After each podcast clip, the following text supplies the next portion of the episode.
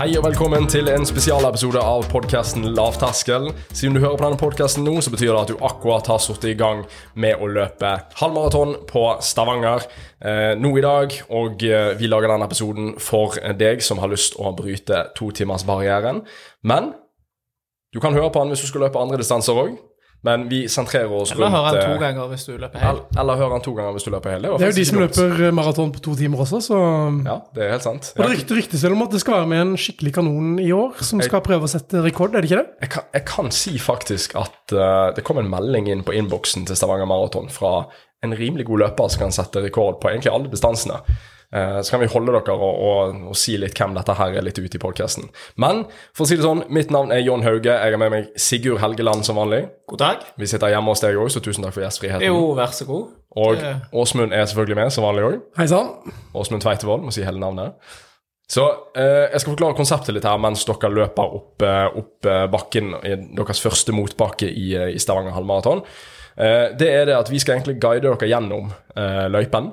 Vi skal fortelle litt eh, tips og triks underveis, litt påminnelser i forhold til drikke og matinntak. Gjerne bakker som du eventuelt kan vurdere å gå i. Eh, uten å stå på klokken, sånn som vi gjør, selvfølgelig.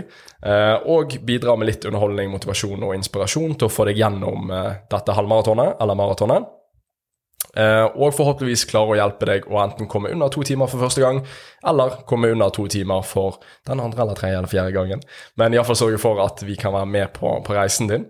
Uh, Bidra til en god tur. bidra til en god tur, rett og slett. Uh, så foran meg her, så Åsmund har masse notater som han har tatt, uh, og notert opp litt bakker og litt forskjellige elementer som inngår i Visste ikke at du kunne skrive latin. Det er faktisk kinesisk, kan jeg si, ser ikke det? Så du ikke jeg skrev fra høyre mot venstre? Jo, faktisk. Nei, men da eh, kan ikke du fortelle litt her, da? Om håndskriften min, jo. altså nå har det sånn at Jeg har studert i elleve år, så da, da Jeg husker min far. Han er snekker. Tømrer. Ah, en grusom uh, håndskrift. Unnskyld, pappa, men uh, han har det. Og når jeg så den da jeg var liten, så tenkte jeg jeg skal aldri få sånn håndskrift. Så ble det verre. den er akkurat lik nå. Det er sånn kun leselig for meg sjøl i kort tid etter at jeg har skrevet. Og så, så går det ti minutter, og så kan jeg ikke lese det sjøl heller lenger. Men du, du liker jo å studere, så du kan jo gjerne ta et sånn eh, kurs i håndskrift eller noe sånt. Har, det er litt morsomt du sier det, for jeg har faktisk uh, utdanning i løkkeskrift på lærerhøgskolen. Jeg begynner å lure på om du bare finner opp disse Nei, det er helt sant. det er helt sant, det er helt sant. Men det, det ironiske er at du trenger jo faktisk ikke passord- passordbeskyttede dokumenter, du. For det er ingen som klarer å lese det uansett. Er vi i gang med mobbinga allerede? Ja, Stilig. Mobbet faren din nå? Nå er det liksom åpen sesong her. Men jeg føler, eh, altså Nå er det gått tre minutter allerede. Tida går fort eh, når man har det gøy, og det er, i- det er nå det er viktig å tenke på at det er i motbakke det går oppover. For det er det. Akkurat nå så kan det virke litt uh, tungt. Og vi burde jo sagt det her litt tidligere, men det er ganske viktig å ikke brenne kruttet altfor tidlig. Det er viktig å ikke løpe for fort opp første bakke, Jeg lurer på hvor mange nå som i løypen nå bare roer ned som betraktelig. fordi den syra som du eh, samler opp nå på, eh, på de første, den første kilometeren, som er ganske mye stigning, den blir du aldri kvitt. Skal betale tilbake. Den må du løpe med resten av uh, løpet. Men, Så hvis du nå klarer å holde pulsen ganske lav, eh, ikke fokusere på at det går seint på klokka For det er klart at hvis du taper en, eh, et minutt da, på den første kilometeren, så løper du det rett inn igjen når du skal ned igjen fra Mosvannet ned mot, uh, mot uh, Sverdifjell. Så eh, løpet starter jo på Domkirkeplassen. eh, og går jo opp til Mosvannet, og den er ganske bratt, eh, den stigningen. Så for all del, ro det ned der. Ta det med ro. I fjor så var John en sånn ivrig liten hund som løp ved siden av meg og trippa og ville egentlig løpe fortere. helt nye sko fra løplatet. Men du skjønte hvorfor vi gjorde det? Ja, ja, absolutt. Men eh, nå er jo de fleste kommet forbi den bakken her. Hvor lang er den første bakken egentlig? Den er sånn halvannen kilometer, den? Ja, altså, man kommer jo opp til uh, Mosvannet uh, på Ja, i løpet av uh, I løpet av de første ca. ti minuttene, da. Og så løper man, eh, når det har gått 11,5 minutter, så løper man gjennom den delen av Mosvannet med veldig dårlig dekning på GPS-en. Veldig frustrerende. Mye skog. Ja, mye skog. Plutselig ser det ut som man løper kjempeseint. Derfor har du stride på. Derfor har du stride på. Eventuelt så ser det ut som at du har tatt en liten eh, svømmetur over, eh, over halve Mosvannet. Eh, så det er litt igjen av det. Du, du har litt bakke igjen å, å, å jobbe, jobbe med. Um, men jeg tenker um, Ja, forresten, en liten, liten shout-out til en av de som skal løpe halvmaraton. Uh, Svein Erik uh, Pettersen. Han skal løpe sitt 26. løp i I år. År. Ja, det er helt i år! Det er helt sinnssykt. Ja, det er faktisk helt, Og helt det fantastisk bra. Fortjener en tør jeg banne altså. på, hadde jeg banna. Eh, at, at Nei, det er jo ikke lov. Eh, At, at det er mest av alle som står på startstreken, det er faktisk helt uh, sinnssykt. Ja, det må vi bare juble for. Altså. En liten applaus. En liten applaus.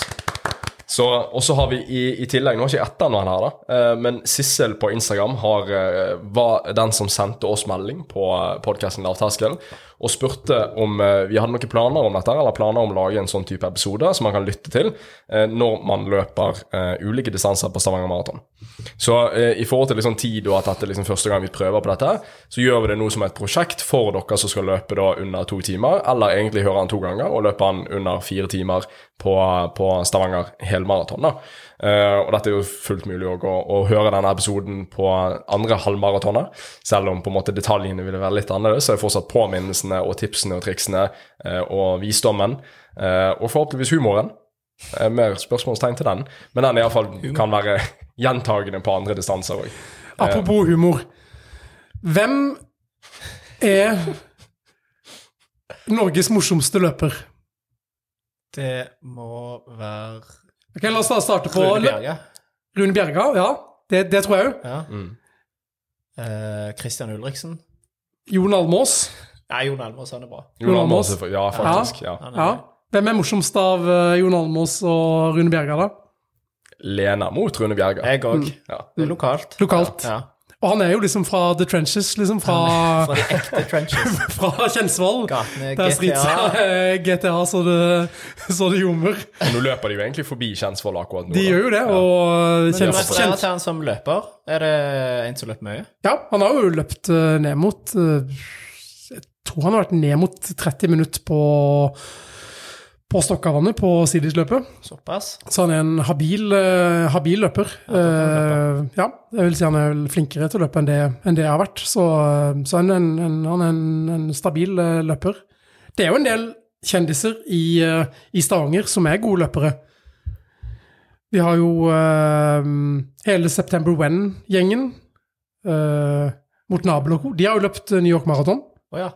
Det er ganske, ganske, ganske rått. Ole Alexander Mæland har løpt eh, London Marathon, blant annet. Har du Eh, løpt noe av dette med noen av de, eller? Nei, men jeg løper jo en del med Ole Alexander ja. til, til eh, vanlig. Ja. Og jeg håper egentlig at både Rune Berga og Ole Alexander er klar for en liten podkast snart. Det hadde vært kult. Det ryktes. Det var veldig, veldig, veldig gøy. Mm.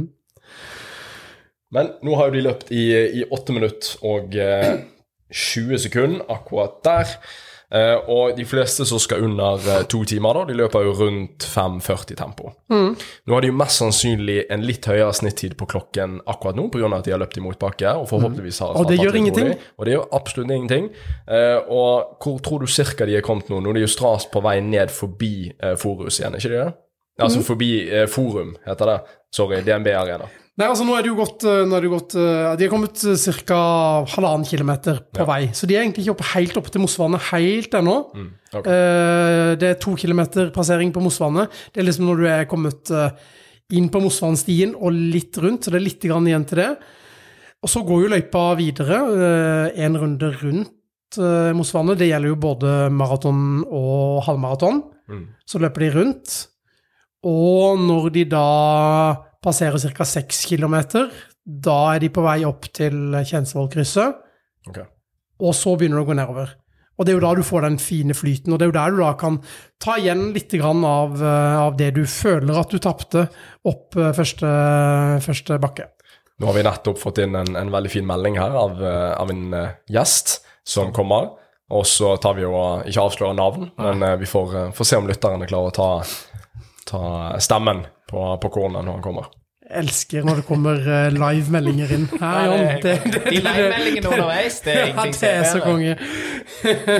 Ja, nå er de, I to av tilfellene så er det iallfall ekte meldinger fra ikke AI-genererte meldinger fra Åsmund. Eller mamma, som Eller mamma, klager på mobbing. Men la oss si at du jukser, da. La oss si at du hører på podkasten før løpet. Ja. Altså, alle har jo en del, alle har jo en del rutiner Det er en god før, mental før forberedelse, da. Ja, ja. Altså, og, og visualisere og litt sånne ting. Og være klar over hvordan, eh, hvordan dette skal gjennomføres. Visualisering er gull verdt. Altså Du, har du, når du har tatt det, du har jo to mastergrader, har du har gjort noe sjøl, noe forskning på visualisering? Eller større forskning på det? Nei, mye nei, inn i det? jeg har egentlig ikke vært så veldig ivrig på idrettspsykologien, eh, men Josefine Ja. Skriver master i, eh, skal skrive master i det. Så, Ja, okay. og jeg er veldig fan av eh, både det med visualisering og det med å bruke feedback til å biofeedback til å korrigere det du gjør. Altså det å autoregulere intensiteten ut ifra dagsform, og det å bruke Det å lytte til egen kropp underveis og, og, og ta nye avgjørelser basert på, på det. Jeg syns jo sjøl det med sånn indre dialog er utrolig, eh, utrolig fascinerende. Et av mine favorittfag var jo uh, idrettspsykologi på bacheloren, med Rune Giske. Mm. Giske er fantastisk. ekstremt flink på det temaet der. Hva, hva sier dere Altså, når jeg løper løp, så har jeg det ofte ganske Hvis jeg pusher meg da, skal sette pers, så har jeg det ganske vondt eh, mot slutten. Altså, da er det nedtelling på, på kilometer og sånn. Og da, da kjører jeg et sånn triks som eh, Johan Olav Koss brukte i eh, OL i 1994, som jeg har nevnt så vidt før. før. Der han eh, har bestemt seg for at han hater å gå 10 000. Og 10 000 er jo som kjent eh, 25 runder på en, på en bane med, med 400 meter per, bane per runde.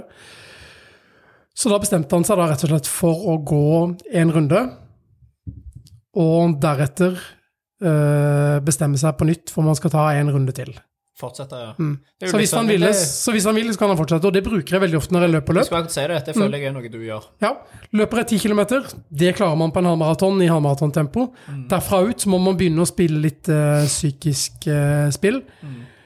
Altså, nå, nå skal jeg ikke være fokusert på andre, da, men, men ofte så hører jeg på andres pusting og sånn, så tenker jeg hm, jeg er jeg er ikke den eneste som har det vondt. Kanskje til og med andre har det verre. Ja, ja. Det er jo en eh, Det kan du ting. se på i løpet òg. Du ser jo på folk hvordan de Og så begynner jeg um, å lage teksten som jeg skal ha på Strava etter løpet. Ja, du Så begynner jeg å fokusere på det. Du begynner jeg å tenke på det. tenke på det. Ok, skal jeg komme med en halvdirt igjen? Skal jeg komme med en eh, Ja, morsom en? Skal jeg prøve på Og så jobber jeg med det, og, og så er det en sånn liten sånn distracting eh, work, da, som bare jeg Som gjør at tiden, tiden forsvinner. Ja, for jeg kan referere tilbake til når jeg hadde coach. Så var det jo alltid den Hvis jeg hadde tunge intervaller og lå var halvveis i økta og syntes dette her var helt forferdelig og har lyst til å gi meg, så tenkte jeg dette kommer, Med en gang dette kommer på Strava etterpå nå, så ser treneren det, og da får jeg feedback fra treneren. Jeg må liksom Når Strava lå i bakhodet, det var på en måte min eh, motivator når jeg hadde det sinnssykt vondt. da. Og samme med liksom litt sånn stoltheten. Jeg er veldig ofte sånn En gang i året så prøver jeg å løpe under 40 minutter på mila, og veldig gjerne omtrent på bursdagen min. Og i år tror jeg kanskje det kan bli vanskelig. Jeg vet ikke om jeg er i den formen, eh, om jeg rekker å bli i den formen heller innen 4. september. Jeg er jo jomfru, som dere, som dere vet. Um, men, men veldig ofte så pleier jeg å si det til folk. da. Pleier liksom å si at eh, du, jeg skal gjøre det. Prøver liksom å bygge litt sånn forpliktelse, sånn at når det er gått 80 km, og du har, egentlig har lyst til å begynne å gå, så kan du ha en indre stemme som bare sier at uh, nei, fortsett, dette her skal uh, vises til noen det der er lovte deg å gjøre, liksom. Det, det, det, det er jo litt sånn som løp.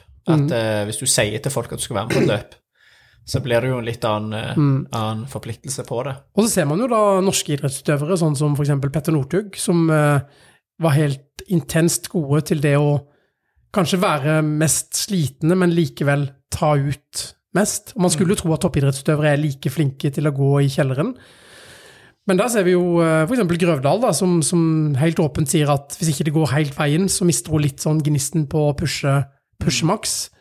Uh, mens Northug, da, som, eh, som uh, på femmila i var det Falun, som kanskje hadde det vondest, og som så vidt kom seg opp bakken, og så allikevel bare gønner på, Ja. kjører på og vinner. Altså det Men Northug sånn husker jo ofte ikke siste Nei? Altså, jeg føler, jeg føler jo at den evnen der Det er jo kanskje det som skjer, For du har amatører eller noen mennesker kan trene ganske hardt eh, og mye og komme på et vanvittig nivå, men jeg tror eh, akkurat den der eh, Å klare å bikke sånn at du faktisk ikke husker de siste fem minuttene, og klare å være der i kjelleren så, i en så mørk plass så lenge, det tror jeg er en litt sånn spesiell egenskap, kanskje. Det går nok an å trene seg opp på det, selvfølgelig, men, men det, det, det Ja. Men- jeg, så den Jansrud og Jansrud. Den dokumentaren som var på NRK. Da var det jo eh, Kjetil Jansrud, og så var det søskenbarnet. Hun har vært Newton-programleder og litt sånn. Hun er utdannet lege. Hun skulle prøve eh, å trene som toppidrettsutøver med alpintlandslaget i ei uke. Og der kom, du, kom hun veldig ofte inn på den der med at eh, det, det er mange som trener like mye som toppidrettsutøvere og på en måte er sykt gode og på et høyt nivå, men, men de har nok Alle kan ikke bli toppidrettsutøver, på en måte. Du har egenskaper der som, som uansett hvor mye du trener på Men så har man liksom et, annet, et litt, litt annet aspekt med det òg. Altså, når jeg var eh, 15 år og ganske god til å løpe eh, Og ja, da, da slo jeg annet Jørgen Rostrup, som var verdensmester i, i orientering eh, for junior osv. Jeg var liksom en sånn Jeg var ganske flink til å løpe. Og veldig ofte så prøvde jeg å åpne sammen med de som løp eh, helt i teten, altså åpne med tetgruppa, og de løp, of- løp ofte miler da på disse disse terrengløpene på rundt 33 minutter. Og så prøvde jeg liksom å holde de så lenge jeg kunne. Og så var visjonen da å holde de lenger og lenger hver gang, og så til slutt klare å holde helt inn.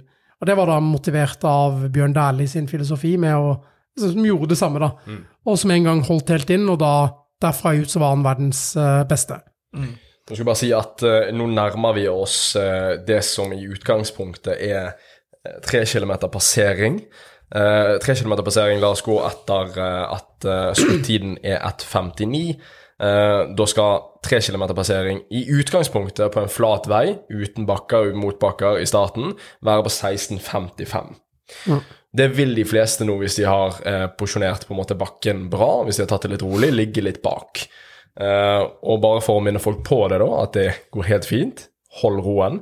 Dere er om to-tre kilometer cirka, så er dere på vei nedover igjen.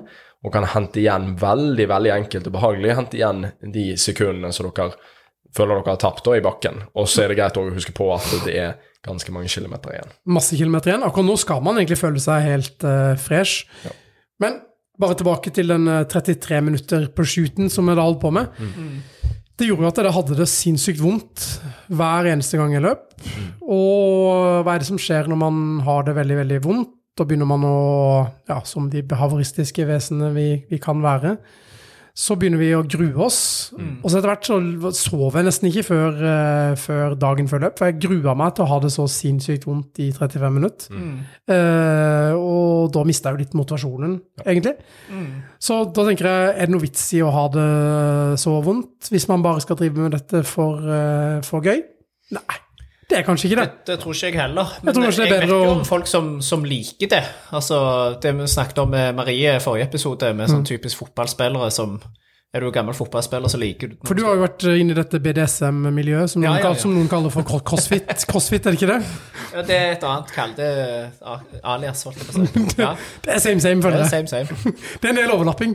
Men du ser godt når vi hopper med hoppetau og sånn, så er det noen som pisker seg litt mer enn andre. Men eh, det er sånn det er. Så, sånn er det. Sånn det er. Det, Nei, er men, men det jeg vil fram til, er at eh, noen folk liker jo det. Noen, det er jo sånn som Noen føler jo ikke de har hatt trening. Noen føler ikke de får noe igjen hvis ikke de ikke nødvendigvis er helt nede i Josef Fritzel-kjelleren, men altså at de er i kjelleren og kjenner at de jobber hardt. Mens eh, jeg tror du må ha litt av sånn erfaring, og sånn som for din del, du har jo vært der, men så har du jo òg gjort vanvittig mye annet i livet ditt som har gjort at du har et helt annet syn på, på det enn den 15 år gamle deg, på en måte. ja, så klart, den 15 år gamle meg trodde jo at han kunne bli eh, kjempegod til å løpe. Og det kunne jeg jo kanskje blitt, da. nok kunne kanskje blitt ganske god, men, men kjempegod, nei. Når man ser på en tolvårig eh, Jakob løpe på noen få 20 minutter rundt uh, Stokkavannet, så, så skjønner man at, eh, at eh, Ja, men, Alt har sin, men han, var, eh, han fantes ikke når du, det var svart-hvitt. det, Det, det, det, var 15, det er sant. så, så han fantes ikke. Freidig. Eller frekk, alle som Det nærmer seg 20 minutter. 20 minutter, ja. Hvor er de i løypa da? Nei, altså cirka på, på, på 23 minutter, altså om fire minutter, så skal de passere Mosvangen camping, cirka. Så, så Og da har man egentlig fått gjort av gårde en god del. Altså Begynner den Altså- sjekkebiten. fire kilometer. Det er liksom en, sånn, en, en stor kake av løpet er unnagjort. Og hva er det viktig å tenke på nå? Blikket frem, løfte opp uh, brystkassa, og for all del snakke med de rundt seg hvis man orker. Orker man ikke det, så må man sakke litt av. Og smile til alle. Det er ingen jeg kjenner som er så flink til det som eh, John. John smiler og sier hei til alle underveis. Omtrent til bilene som eh, kjører, for, kjører forbi på, på veien. Og, og det er en utrolig god uh, taktikk. Uh, veldig ofte så, så føler man så føler man seg nesten litt sånn dum når man klistrer på seg et smil når man er så sliten. Men det skaper egentlig en sånn kaskade av gode effekter på prestasjon. Så det å smile, det er gull. Jeg husker du er imponert, var imponert over når vi løpte trekjørs med Jon. Mm. Så var det smil hele veien. Det eneste du kunne se, var at øynene begynte å henge litt mer. Smilet var der, men øynene begynte, tå- tåren rant. øynene begynte å Du så at det, det var et smil, men det var, har jobbet godt. eh, Et par, eh, Kan kan vi, kan, kan vi løpe litt seinere, husker han sa. Ja, jeg grein inni meg. Men jeg, jeg prøvde jo jeg prøvde oppriktig å gå inn til, til Stavanger Stavanger og med å liksom smile og si tusen takk til alle som, eh, som sto der og hjalp frivillig, på en måte. For det er jo eh, det, det er jo pga. de òg at vi klarer å gjennomføre dette her. Eh, Sammen med selvfølgelig GTI og Johannes Økland, som på en måte setter i stand dette her og arrangerer. Så er det jo ganske mange hundre som er med der ute for å Men Johannes, er han fremdeles med som løpsleder? Ja. Han er? Ja. Så det, det var han jeg snakket med òg angående han som slida inn i DMs-en til Stavanger Marathon, eh, som var interessert i å ja, kanskje være med og potensielt sette noen løperekorder. Hva er rekorden? Eh, det er ikke jeg helt sikker på. Men jeg vil bare raskt si, nå nærmer vi oss 5 kilometer, og på 5 kilometer så er det en drikkestasjon. Hva er tipset der? Altså, hvis man løper en halvmaraton på ca. 90 minutter, altså halvannen time, da trenger man egentlig ikke være så veldig, veldig, veldig nøye med, med næringsinntak. Fordi en eh, normal kropp med normale karbohydratlagre, den har egentlig nok energi til å dekke det. Ja.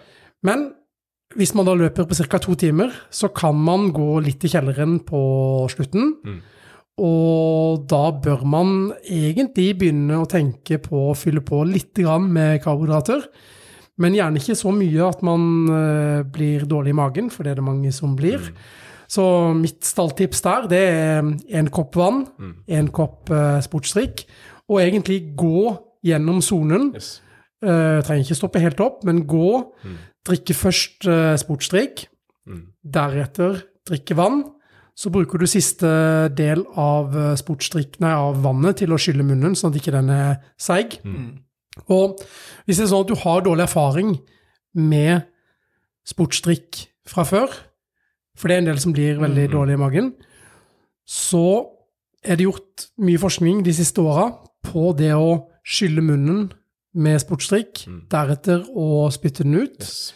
Det gjør at uh, man starter amylaseproduksjonen, altså et, uh, et nedbrytende stoff, uh, enzym i, i munnhulen, som begynner å bryte ned karbohydrater. Og det sender egentlig beskjed til kroppen om at uh, du trenger ikke å roe det ned, du har egentlig bra med energi. Og det er en strategi som ofte brukes på slutten av uh, løp, der man ikke har tid til å ta opp denne næringen, da, selv om den er i flytende form. Og det kan gi en liten, uh, liten ekstra, ekstra boost. Du har kjøpt geller til Jeg, løpet nå. ja, jeg kjøpte Morten i går, og det jeg gjorde sist, da, som jeg har lært av i etterkant, det er at sist gang så kjøpte jeg vel fire-fem geller, men alle var med koffein og karbohydrater. Og det gjør jeg annerledes nå. Selv om nå skal jo ikke jeg løpe maks, nå skal vi prøve å løpe rundt 3,50 sikkert, hvis, hvis Alex har en god dag. Uh, men nå kjøpte jeg én med gel, og så kjøpte jeg fire med uh, Altså fire uten koffein, da, men én med koffein. Uh, og så er jeg også kommet til å stoppe, eller vi kommer til å stoppe, og gå rolig gjennom drikkesonen. Drikke begge deler. Mest sannsynlig, jeg har ikke noe problem med sportsdrikk, så jeg kommer nok til å drikke sportsdrikken. Og der passerte vi forresten Mosvangen camping, just Ja. saying. Eh, og, men òg tilbake igjen til det vi snakket om i sted, med liksom smile til folk. Og, og altså det, det hjelper ekstremt for deg sjøl å drive og smile og styre på. For det, du lurer deg litt og, og føler at nei, men dette går fint, dette går bra. Men òg så jeg vet at de som står der enten med 5 km-stasjon og gir ut vann, eller andre steder, setter enormt stor pris på at eh, at dere smiler og sier tusen takk, og, og, at dere ser glad og lykkelige ut. på en måte. De forstår at dere har det tungt, men det gjør de veldig godt å få en, en liten takk og en liten takknemlighet, eh, og vite at de, de er der for, for, å stille opp for dere, for at dere kan ha et, et godt løp i dag. Eh, og nå skal jeg bare sjekke, men den drikkestasjonen dere kommer til, den er ca. 500 meter etter eh, 5 km passeringen. Mm. Så, så den, den, er jo da på, på der bussholdeplassen, og der det går en liten bro over til Stavanger eh, stadion. Ja, og der sto det et korps i fjor Ja, det er et korps som ja. står og spiller. Der er det god stemning. Uh, så da har de løpt ca. 32-33 minutter, mest sannsynlig, rundt der. Når de kommer forbi der. 31-32 minutter. Mm. Uh, ish. Så, så der, nå vet vi jo ikke 100 hvor varmt det skal være, men det er nok meldt ganske, ganske greit, ut, greit vær. Mm. Tror det meldt medvind. Overskyet og masse medvind. Ja, fra så, start. Så, det er det gøy, sånn som I fjor da, så var det jo ekstremt varmt, så da var jo dette med å få i seg veldig mye væske eh, var viktig.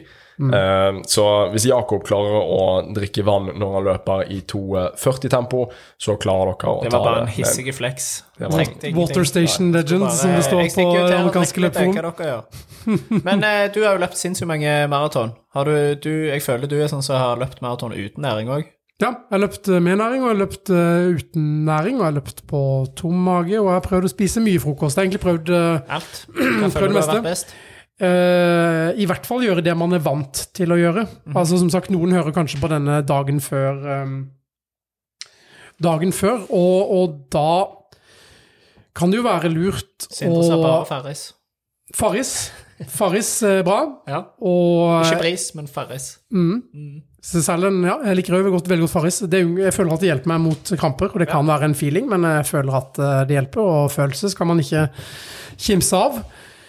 I tillegg så kan det være lurt å spise kanskje doble mengden av de karbohydratkildene som man pleier å ha uh, i de siste to dagene. Altså ja. la oss si på torsdag og fredag, så dobler man mengden ris dobler mengden med pasta eller med brød, og så bygger man opp lagrene litt. Grann. Mm. Og så kan det være nok til å shave av litt ekstra tid, eller få en litt bedre feeling på siste del av, eh, av, eh, av løpet. Liker du gel? Ja. Du bruker det? Ja da, jeg liker, eh, liker gel. Jeg syns gel Jeg husker første gang jeg prøvde gel, var Nordsjørittet, for mm. mange år siden.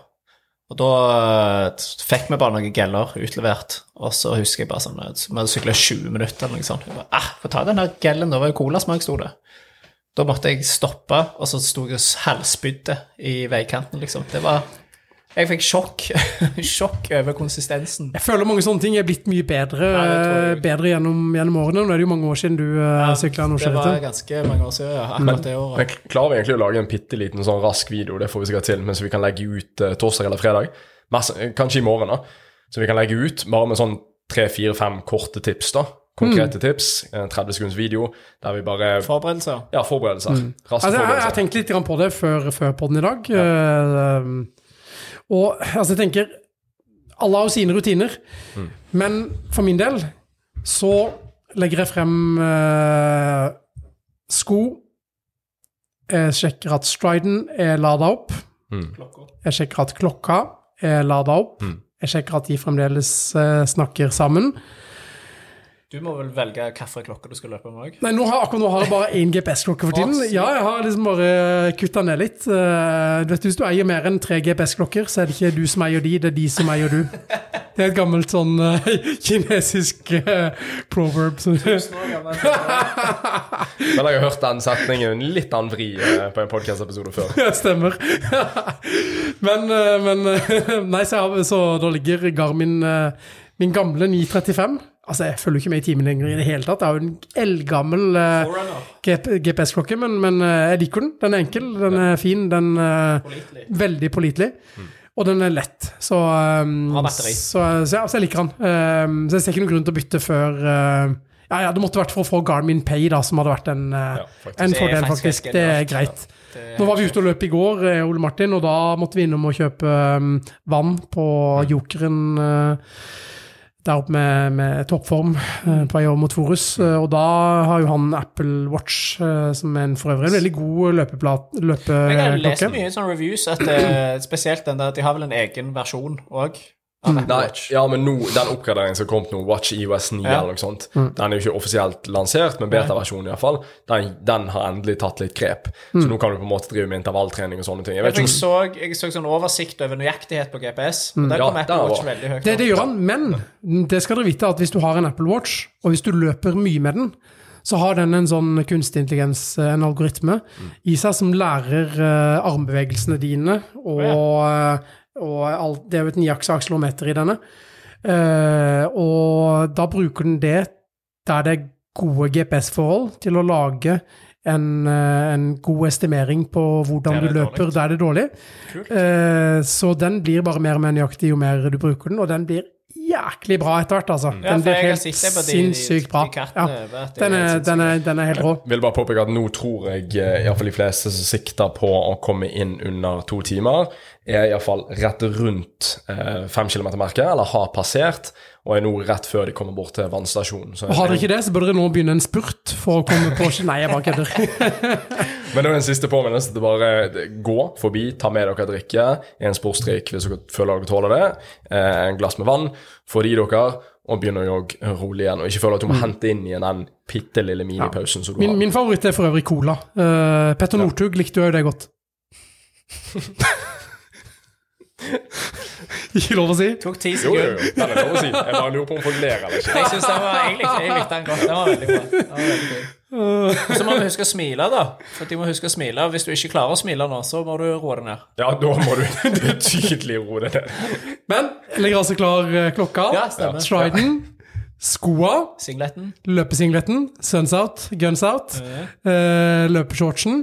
Passe på at det er en løpeshorts eller uh, tights som eh, man er Ja, bek bekvem med, så man da føler at ikke man får gnagsåra. Altså, jeg løp uh, trekjørs et år med, med, med en uh, tights som jeg ikke visste at det var kommet et lite hull i. Mm. Eh, og da hadde jeg et kjøttsår på, på innsidelår som var helt uh, Jeg fikk, jeg fikk det sist når meg og Alex løp den 20 km-turen. Men nå, det regnet jo. Jeg har aldri Ja. slitt med det når det er tørt ute. Men hvis det regner, så har jeg slitt med det. Det er klart, Hvis du blir våt mellom beina, så er det større sjanse for gnagsår. Det er gammelt uh, jungelord, det òg. Ja, Den la jeg vel opp Jeg var livredd da den begynte. Men, men, eh, ja, men, men tights eller, eh, eller shorts? Altså, jeg er blitt litt svak for eh, Jeg føler jo 70-tallet er kommet litt tilbake. Jeg føler at Ja, split, split shorts er the shit, liksom. Men synes det, altså, det er sykt viktig, det med plagg. For det er sånn, Jeg har hatt ganske mange joggeturer som blir ødelagt med at du tar på deg ett plagg for mye, eller du har på deg langermer når du burde ha T-skjorte, eller at du har på deg joggebukser versus shorts, eller litt ja. Og hva gjør man da? Jo, man sjekker uh, yr.no, og så ser man på um, Så ser man på været som er meldt, og så plusser man på ti grader i hodet sitt. ja. Og så kler man seg etter det, det og så er man klar for, uh, Det var et for veldig bra eh, tips. For nå er det meldt på lørdag. Så er det meldt uh, kan være fuktig frem til klokka syv. Løpet begynner klokka ni. mm, 9,40. Og da er det meldt ca. 15 grader. Ah, 25 grader. med litt Strålende vær. sol. Én meter sekundvind, det er jo ingenting. Og så øker det fram til klokka to, da så øker det opp til ca. 18 grader, da. Ja, ja. Hadde det vært lov, Så så hadde jeg løpt naken, da. Så det er jo uh, ingen vits å ha på noe varme klær, iallfall. Nei, det minner meg om da jeg var russ. Så, nei. så Må jeg redigere dette ut? Nei, nei, nei. nei, nei. Det, er ikke, nei, det er ikke så galt. Men da skulle jeg ha sånn der eh, løpe naken fra, fra den videregående skolen og ned til eh, rutebilstasjonen. uh, og så uh, Dette var før uh, både flipptelefoner og smarttelefoner. Heldigvis var det det. Heldigvis var det. Og da løp jeg jo løp jeg av gårde, da, naken. Bare for å finne ut at jeg var den eneste som gjorde det, liksom. Jeg spør meg, Du har vært i mange situasjoner der du endte opp med å være den eneste som gjorde akkurat det dere hadde planlagt å gjøre. Lett å lure, hva kan jeg si. Men jo, så nå alt er lina opp, så, eh, så tar jeg veldig ofte på, på startnummeret, som man henter i god tid og ikke stresser med. med. Og da bruker jeg sånn uh, belte med, med startnummer på. Rett Triatlon-nummerholder. og slett fordi det er da slipper jeg å ødelegge singletene og T-skjortene med, med Ja, men en annen ting òg som er genialt med det, er at hvis du skal ta av eller på deg klær Mm. underveis, så slipper du å stresse med de der nålene og Mm. Det gjorde han i fjor. Da kom jo han inn i, i baresen, som vi har publisert her. i Dag som vi spiller inn podkasten. Jeg vil bare si at Veldig glad for at du posta den uh, atter en gang. Jeg var ganske brun, da. Ja, du var veldig brun. Veldig brun. Steike. Du faen, du er alltid brun. Hva er det du snakker om? Ja, det Kommer faktisk direkte hjem fra Tyrkia nå, da, så. Du har solt deg ganske mye, ikke sant? Eh, ja, altså moderat, eh, egentlig. Var, vi var på liksom, liksom treningsleir. Vi trente eh, Med utegym? Eh, nei, inne, ah, ja, innegym Okay. ja. med god aircondition. Det var okay. sånn 38 grader og veldig, Ja, altså. veldig varmt, så det var greit å ha god aircondition. Men det ble to timer uh, styrketrening hver dag. eh, to ørsmå løpeøkter. eh, Dårlige møller. Litt for varmt inne på gymmet til at det var noe eh, god, eh, god vits i det det. i det hele tatt møller på de treningssentrene dere var Det var det, det var det, men de var eh, Ja, de var ikke Man blir litt sånn kresen på møller. For min del så må jeg jo si at uh, to av samarbeidspartnerne våre, Aktiv treningssenter og SIS sportssenter, det er jo de to eh, i byen som har gode lamellmøller. Det er jo bare de to som har, har det, som jeg vet om i hvert fall. Så 35 minutter og 36 sekunder, det betyr at uh, vi nå antageligvis nærmer oss toppen av bakken over uh, over uh, Kjensvollkrysset. Ja, altså 7 km-merket, det står at det er da på enden av DNB Arena, da, akkurat før du kommer inn den undergangen der. Uh, så de løper vel òg på vei til å begynne å løpe forbi hele det området, da. Eh, som nå rigger opp til uh, oljemessen neste uke, som vi løp forbi i dag. Så hvis dere nå ser til venstre når dere løper ned den bakken, så kan dere tenke på at uh, det er bra trøkk. Så veldig mange trøkker der. Går det an å klippe inn et bilde av en trøkk for å illustrere vitsen? Nei, det er greit. Kan stryke den. Det verste er at eh, her ødelegger det jo ekstremt mye hvis jeg redigerer ut noen ting. Ja, stemmer det. Det ødelegger jo hele Stemmer. episoden. Sorry, jeg skal ikke Ja. Nei, jeg tror egentlig Altså, jeg har fått én kommentar i hvert fall på at noen av vitsene er liksom på kanten til å være gode, da. Mm. Så Takk. vi nærmer oss. Takk. Nærmer oss noe. Var det sørlandsdialekt? Kvinne i uh, 70-åra? Nei? Nei, det var ikke moren din. så Ok, det- greit. Bare sjekker.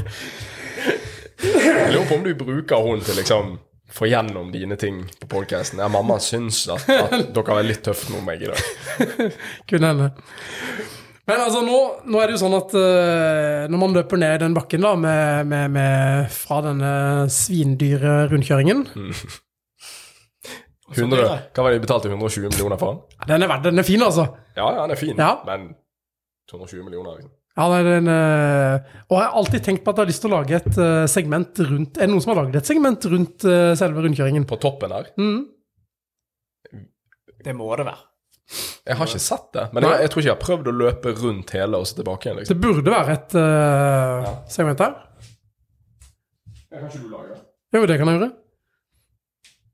Problemet er at eh, det blir antakeligvis veldig hard konkurranse på akkurat det. Uh, jo, når man da er på vei uh, ned, ned bakken der, da løper man forbi eh, ja, forbi Madla Amfi, og man løper ned til Madlaforen. og Der splitter jo veien seg. Det er jo viktig å holde tunga rett i munnen der. Ja. Da vil jo maratongjengen De skal jo løpe tresjørs. Uh, tresjørs. Yes, så de skal over en liten bro der og rundt mm. Stokkavannet. De skal over til Trafoen, og så, og så, og så rundt. De har jo starta klokka ni, så de ligger jo heldigvis antageligvis litt eh, foran, eh, foran maratonløperne, håper jeg. Nå sa vi at 7 km-passeringen er på enden av DNB Arena, Mhm. eh, skal jeg få være. Og da er det, hvis vi på en måte skal, hvis noen har, har løpt litt fortere da, og prøvd å tatt igjen denne tiden allerede, så er iallfall passeringen på 7 km 39,29-ish. Mm. Hvis, du- hvis vi, vi sikter, hvis vi, pace-charten min her leder mot 1,59 da, Mhm. på halvmaraton. Hvem er det, vet vi hvem som er fartsholder på to timer, egentlig? Det kan jeg sjekke, for jeg er medlem av Facebook-gruppen Fartsholdere. Skal vi se. For da, sånn som Sindre sa, da, så sa jo han at han prøver å ha en hva, 30-40 sekunder å gå på, tror jeg. Og han Ja, skal jo være pacer sånn. på, på 1,30, da. Ja. Så um, Men eh, Skal vi se, da har jeg lista her. På halvmaraton, så eh, for de spesielt interesserte, så er det da Sindre som skal være fartsholder på 1,30. Yes. Og det er jo en jobb han klarer eh, lett og fint. Han har vært ute og tatt en test òg. Og... Ja, så han hadde en test i dag også og mente at, eh, at han var Han hadde en dårlig dag på tempo. Bare 4.13 tempo. 3.44 tempo. Da var det 3.40, ja. Det var dårlig. Ja, ja, det hadde vært kjempe... Ja, er synd på, synd på folk som det der. Så er det Hans Høyhet, eller Hans Olav, som han også heter. Hans Olav eh, han er ganske høy, hvis ikke dere vet det.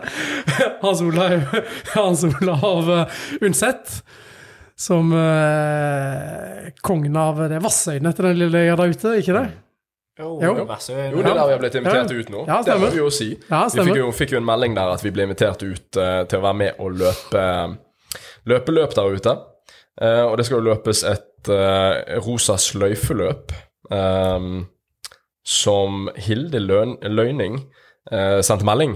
Og har jo òg vært i kontakt med deg i Mm. forhold til Hans Olav og, og komme ut der og holde et foredrag. Det blir jo ikke på det tidspunktet vi drar ut for å løpe rosa sløyfeløpet, for du er i Bali. Men det er jo da et Jeg kan pitche det at det er et Rosasløyf-løp um, ute på Vassøy, og det går Det er jo en tre kilometers løype. Uh, som er søndag 16. oktober. Å, der uh, prikka det faktisk inn en melding, og det, det er ikke kødd. Ikke se så skeptisk på meg, det er sant.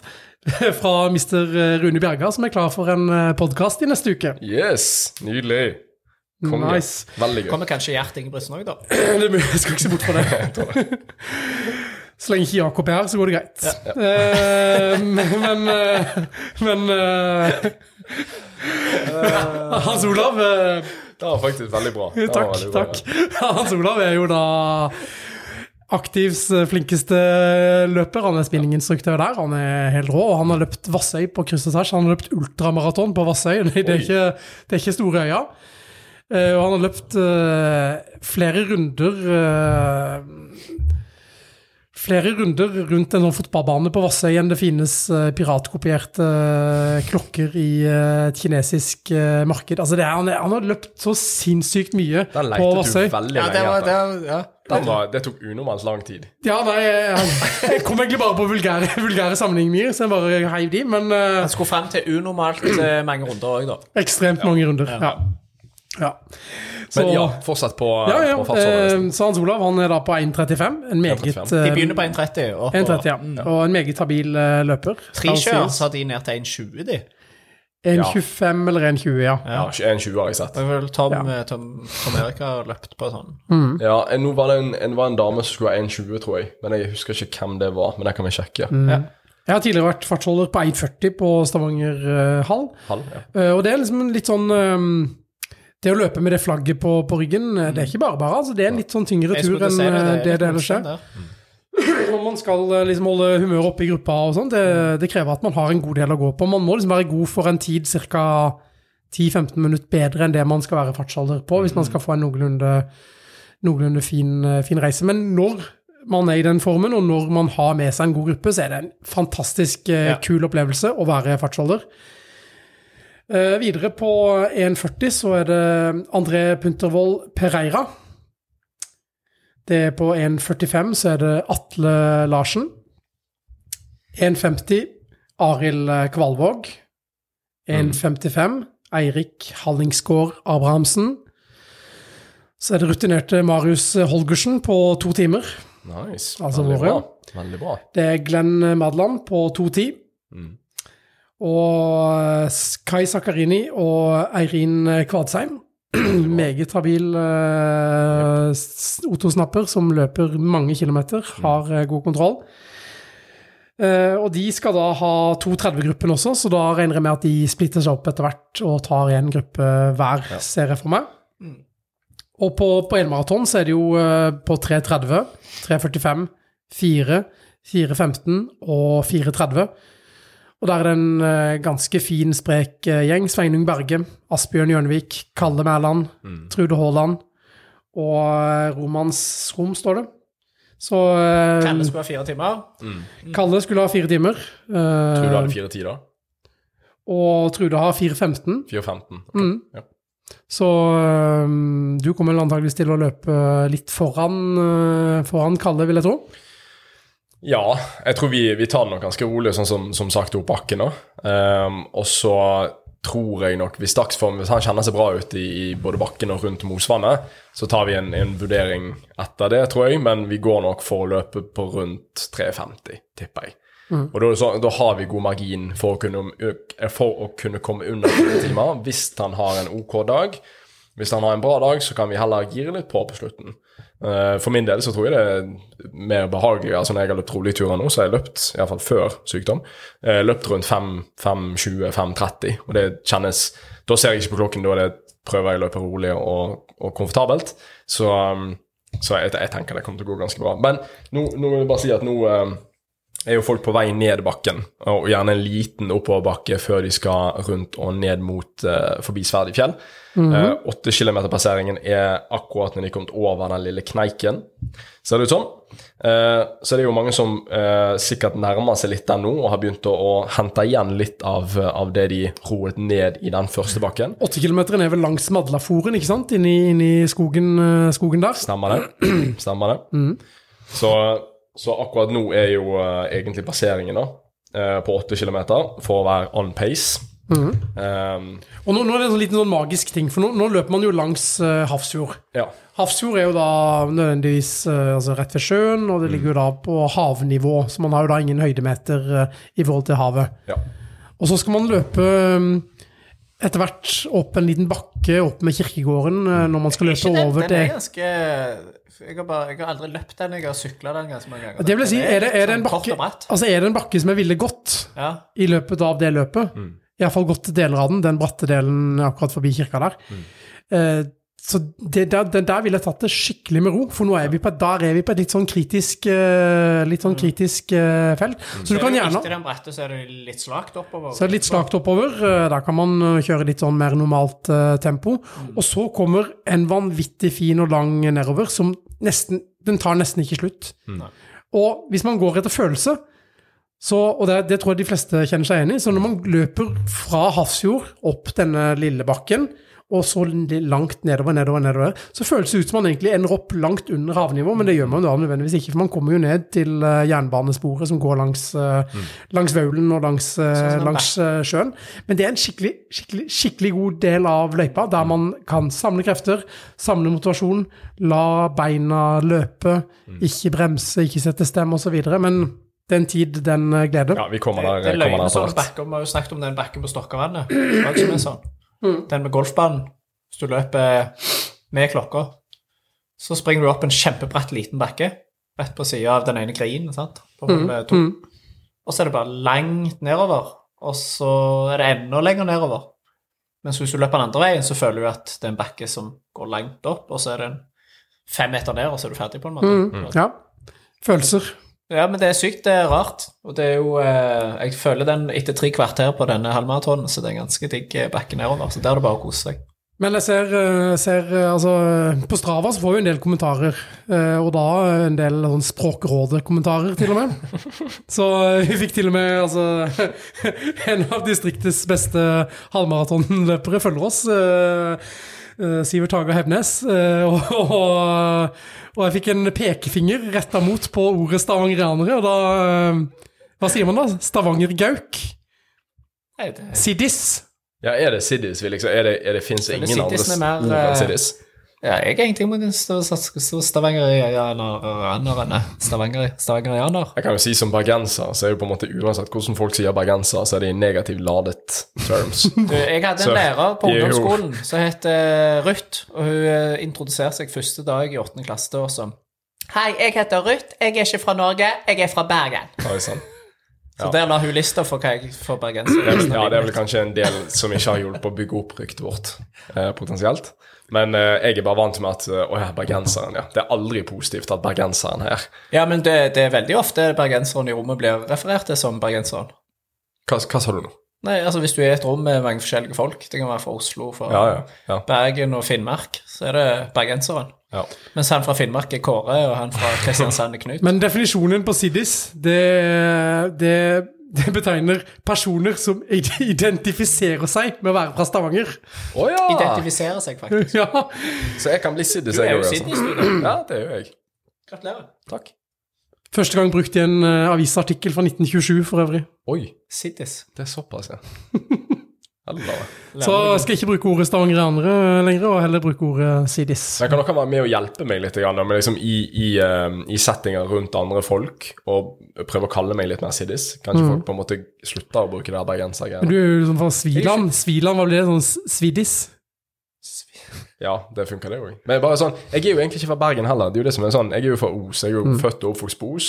Jeg har bodd tre år i, i Jeg er ikke fra Bergen, jeg er fra fem minutter utenfor Bergen. Nei, Men det er eh, jo- nesten jo- alle bergensere jeg kjenner, er fra Os, er jo, faktisk. ja, men det er jo en halvtime unna, så det er jo liksom, det er jo Sviland til Stavanger, på en måte. Eller faktisk Det er litt sånn som når det er landstreffet her i, i Jeg bruker Sandnes. 20 minutter fra Sviland til Stavanger. Altså. Ja, ja, men eh, når folk eh, har vært på landstreffet her, så de sier jo landstreffet i Stavanger. Men Kongeparken er ikke i Stavanger. De har jo ikke peiling. Nei, men, men jeg syns det er rart at de kaller det landstreff i Stavanger. Mm.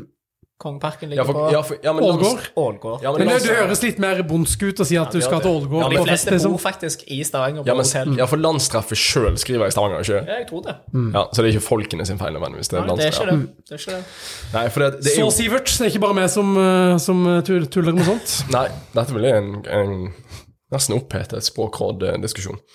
Nå nærmer vi oss timen, folkens. Vi nærmer oss faktisk timen, og eh, 50 minutter vil si at eh, de fleste, iallfall hvis dere har tatt igjen eh, det tapte, så er dere kommet til, til Surfin, eh, vår eh, favorittrestaurant på Madla. Er Ja. det? Og favorittstart på bakke. En av de Ja, Ja, altså, det var eh, egentlig det jeg var på jakt etter. Jeg trodde han skulle ta den før meg. ikke? Av mange regna som byens beste kinamat. Ja. Eller mat, som de bare kaller det i Kina.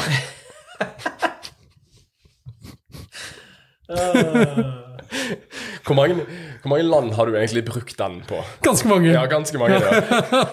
Eller mat, som de kaller det i Italia. Nei, men det, der er ni, eh, ni kilometer-passeringen er akkurat forbi, eh, forbi Surfin, og nå er dere på vei ned forbi Sverd i fjell.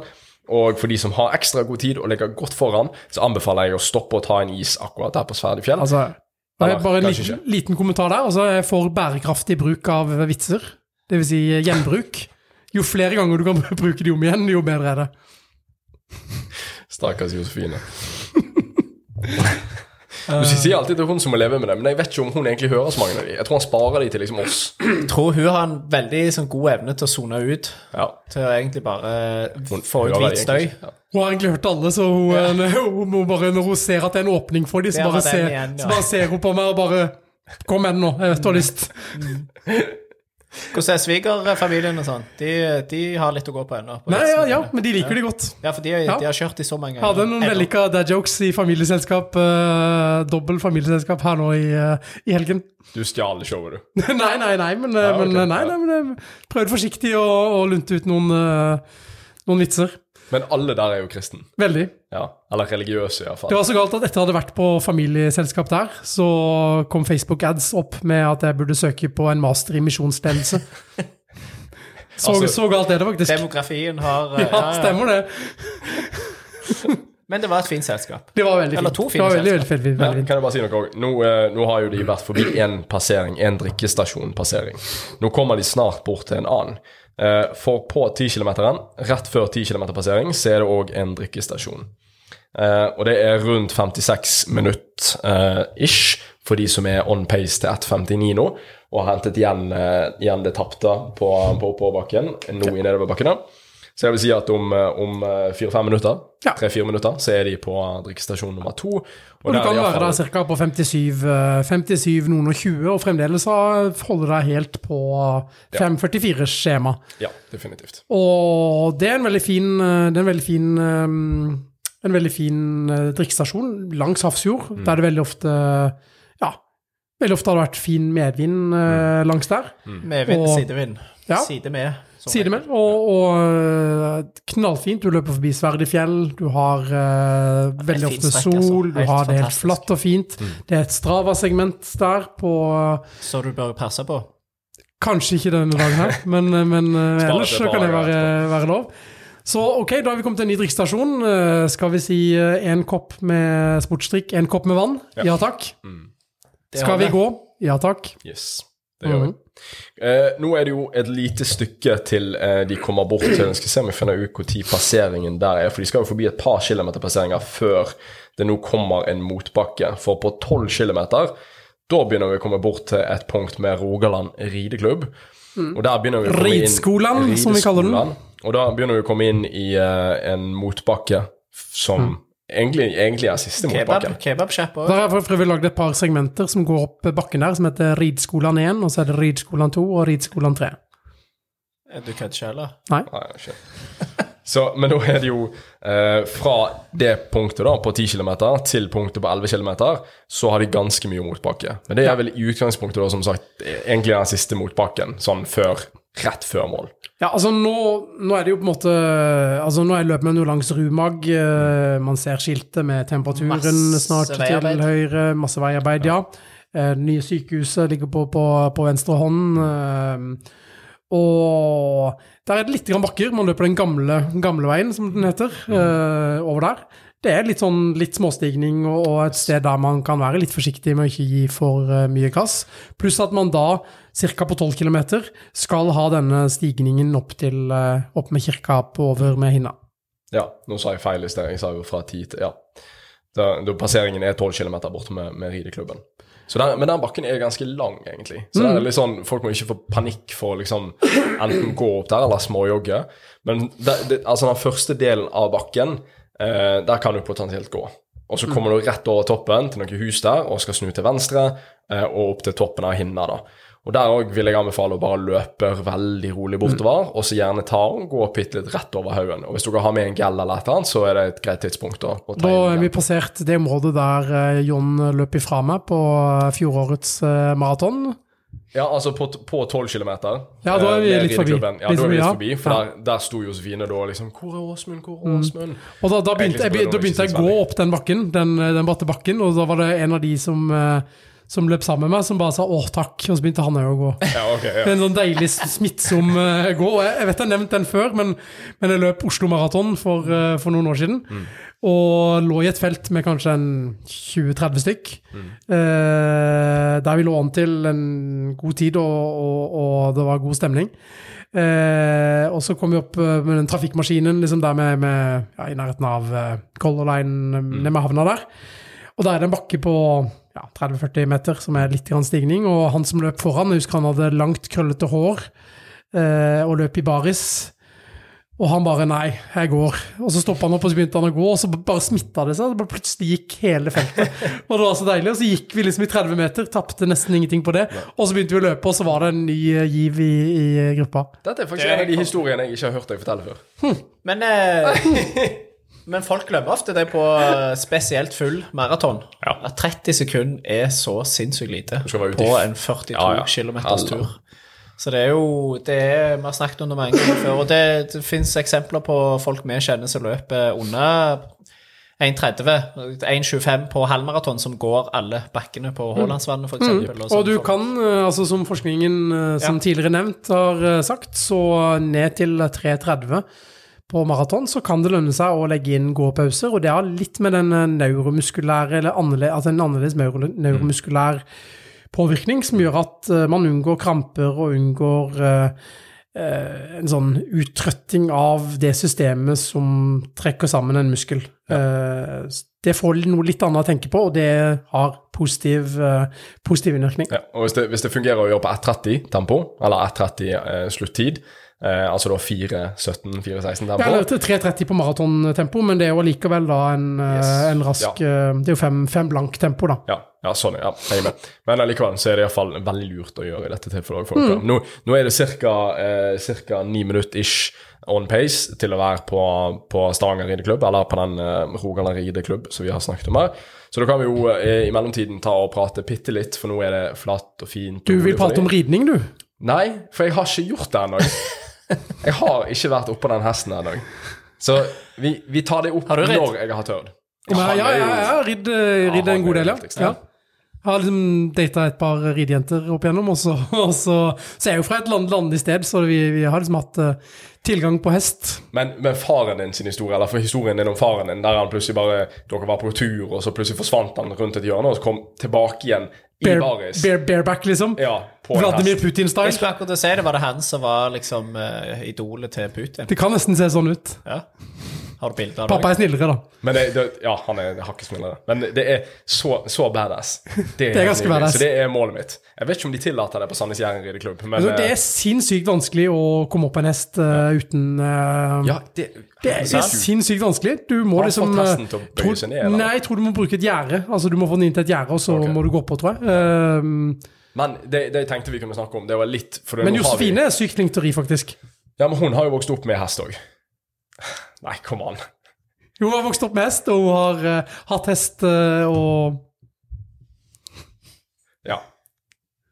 ja. Skal vi snakke om løping, da? Eller? No comment. nå, driver det, nå er det sinnssykt mye folk langs Hasfjord som bare liksom hever med øyenbrynene. Skal jeg orke å høre på disse her i liksom en time til? Ja, ikke sant? Nå har dere faktisk hørt på oss i en time. Altså Nå er vi 20 sekunder unna. dere Vi er halvveis, dere. Vi er halvveis. Halleluja. Det er faktisk dritgøy. Ja.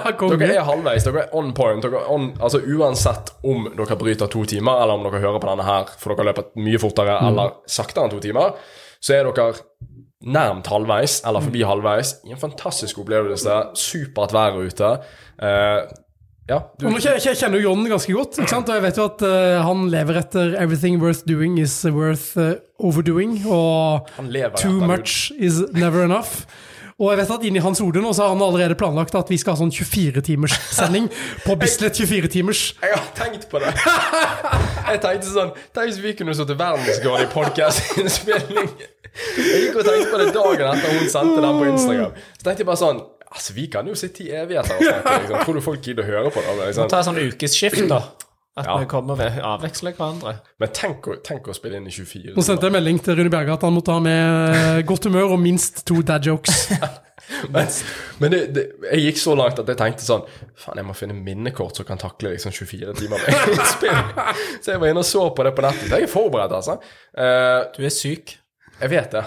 Men, men ok. Likte vi- dialogen før, eh, før dere skulle løpe i dag, og Åsmund måtte jekke deg ned noe så sykt. Altså, John, fikk, John kjøpte nye sko i går, som noen har fått med seg, og, og Det var liksom bare sånn Å, ja, nei, ja, ja, du har rett. Ja, okay. så sender han melding. Planen var en rolig løpetur. En eh, rolig jogg. Og da får jeg sånn forslag om ja, sånn 4.20, 4.30, 4 til altså, Og det, det lukter jo under fire blank tempo lang vei, liksom. Jeg har ikke løpt så fort siden krigen. Altså Ukraina-krigen, da. Altså ikke, ikke andre verdenskrig. Men eh, Men, eh, men eh, Så vi gikk han ned til en, til en rolig Ja, det er fem, mest- eh, 5.40 2, 3, 4-ish tur, da, eller noe sånt. 5.50-tur eller et eller annet sånt. Som er det eneste rette, for han har vært syk, og det er jo folk som har vært syke her. Og hva gjør man når man kommer tilbake fra sykdom? Jo, da er det sånn at den første turen har man god effekt av uansett hvilket tempo man kjører. Så det er bare å kjøre en superrolig tur, og så har du full effekt. Du kan se på det som et vannglass. Det hjelper ikke å fylle mer, du får ikke mer på det, det bare flommer over, det bare renner over. Det er ikke noe vits i å løpe, løpe hardt. I morgen derimot så kan vi kjøre en åtte 8 ganger 1000 eller et eller annet sånt. Som vil være en fin uh, siste liten uh, rustfjerner uh, jo- før, før eh, maratonet. Hvor skal vi gjøre det, egentlig? Så kan vi ta Aktiv sin superkilometer, er min favoritt uh, 1000 meter. Ja. Eventuelt så kan vi ta 800-meteren fra, fra Glorien. Og, og apropos det, så tenkte jeg Nei, jeg kan ikke kalle det for det. Ikke? Nei, jeg, bare Sykt. Husk at jeg ikke kan klippe denne episoden. Greit, greit. Jeg bare fant på et bra navn på segmentet på, på, på Men jeg skal la være å si det. La oss bevege oss litt videre. Nå er det, nå er det en, en fire-fem minutter til, til de fleste er forbi eh, Rogaland rideklubb, og da skal vi på en måte snakke de gjennom bakken. på hva med spesialgjest. Oh, det er litt gøy. Da kan vi vente med denne praten på en måte til, eh, til vi nærmer oss eh, eller har kommet forbi det. Kan han bli hele podkasten? Eh, det vet jeg ikke, men eh, det banker straks på. Ja. Vi kan jo avsløre at vi får eh, Uten å si navnet, så kan vi avsløre at vi får besøk av en i Uniform. uniform. Og han er her ikke for å gjøre noe annet enn å spille inn podkast, tror jeg. Faktisk ikke. Ja. Men han Så, har blitt, eh, han har blitt oppholdt eh, flere ganger av jobben. Å ja, ok. Har han blitt oppholdt, eller har han oppholdt andre? Det, Vi må spare det. Vi Ja. må spare, det er Vi så kan spare bra. det. Vi har noe å ta opp med han. Så det, De som har, eh, de som har Strava, de har gjerne fått, det- fått det med seg. men er det kødd? nei, nei, nei. Nei, nei. Er det ekte, liksom? Det er 100% ekte. For det er, nesten, det er nesten for godt til å være sant. Eller, vi skal la han fortelle om Nei, men det. det, det er manuell registrering. Ja, det er det. Ja, ja. Og det er manuell registrering. Ja. Ja. Okay. Det skrev han jo òg i, okay. i kommentaren. Man hadde kontroll på peisen, iallfall. Kjente han kjente han løp. Det Det er det en som kjenner En som har kontroll på sekundene og peisen. Ja, ja, det, ja. det Men John kjøpte jo nye sko. Uh, Ja, det må vi snakke ja, ja. Ja. Og selv om Sigurd er litt uh, såra av Vognbråten på at eh, vi gikk ned på løpelabbet uten han, så, så har du også kjøpt deg på tips fra Marie Kloster eh, så har du da kjøpt deg en, eh, et par med lekne Adidas Adidas, eh, Adicero, Adios 3. Jæklig mange navn. Ja, de begynner å bli Nike- sinnssyke, du, mange av de. Nike har jo, det gjorde de jo narr i, i Eller jo narr de nevnte det iallfall i, i løpeskopodden, altså i Løplabbet sin podkast òg, at disse navnene er jo sinnssykt lange. Altså Nike er jo de, Det er jo åtte navn i det, tror jeg, i de nye. Liksom, Nike, Tempo Next, prosent, X, eh, Tempo et eller annet. Ja, helt enormt. Men vi har iallfall kjøpt eh, på klar anbefaling fra Marie Kloster. Eh, vært på løplabbet i Stavanger hos Jan Erik og de. Og kjøpt, eh, kjøpt de skoene og løp med de i dag for første gang. Eh, og det var jo derfor egentlig Åsmund måtte holde meg litt igjen. Fordi at det å løpe på helt nye sko er jo Deilig. sinnssykt deilig. Så, så akkurat det, det er de Ikke minst de, karbon. Ikke minst karbon. Uh, det er de skoene jeg skal bruke på lørdag når vi skal løpe hele maraton. Og nå, nå har vi jo kategorisert flere sko, liksom sånn rangert og sånn. Eh, Marie var jo veldig klar på at dette var den skoen hun ville hatt med på en øde øy. Uh, Ja. Kan vi få en førsteinntrykk uh, her? Ja, jeg vil, jeg vil si meg ganske enig. Nå løper ikke vi Jeg tror den raskeste vi hadde, var vel sånn 5.30 tempo. eller noe sånt. Vi løp kjemperolig. Men for mitt løpssteg så syns jeg egentlig de var, var helt perfekte. Og det var sånn som hun skrev det, sinnssykt mye bounce i de. Så jeg merket i alle fall på asfalten at, eh, at dette her eh, Jeg hadde lyst til å løpe fort. Så, men, men jeg tror nok òg at jeg er jo ikke, det er ikke så ofte at jeg Og for de aller fleste så løper du ikke i veldig høyt tempo så mye. Så å ha sko som takler et sånt høyt tempo, er jo ikke nødvendigvis det de fleste bør være ute etter. De bør være ute etter helst en, i alle fall det viktigste er nok en sko som takler det rolige tempoet, så de skal gjerne ha i en, en 5-10-15 km. Det er den, den skoen som får mest bank, og, det er der kroppen òg får mest bank. Så um, jeg er veldig spent på å gi litt gass, iallfall. Og ha, og, for hun brukte vel de mest på litt sånn raske langturer.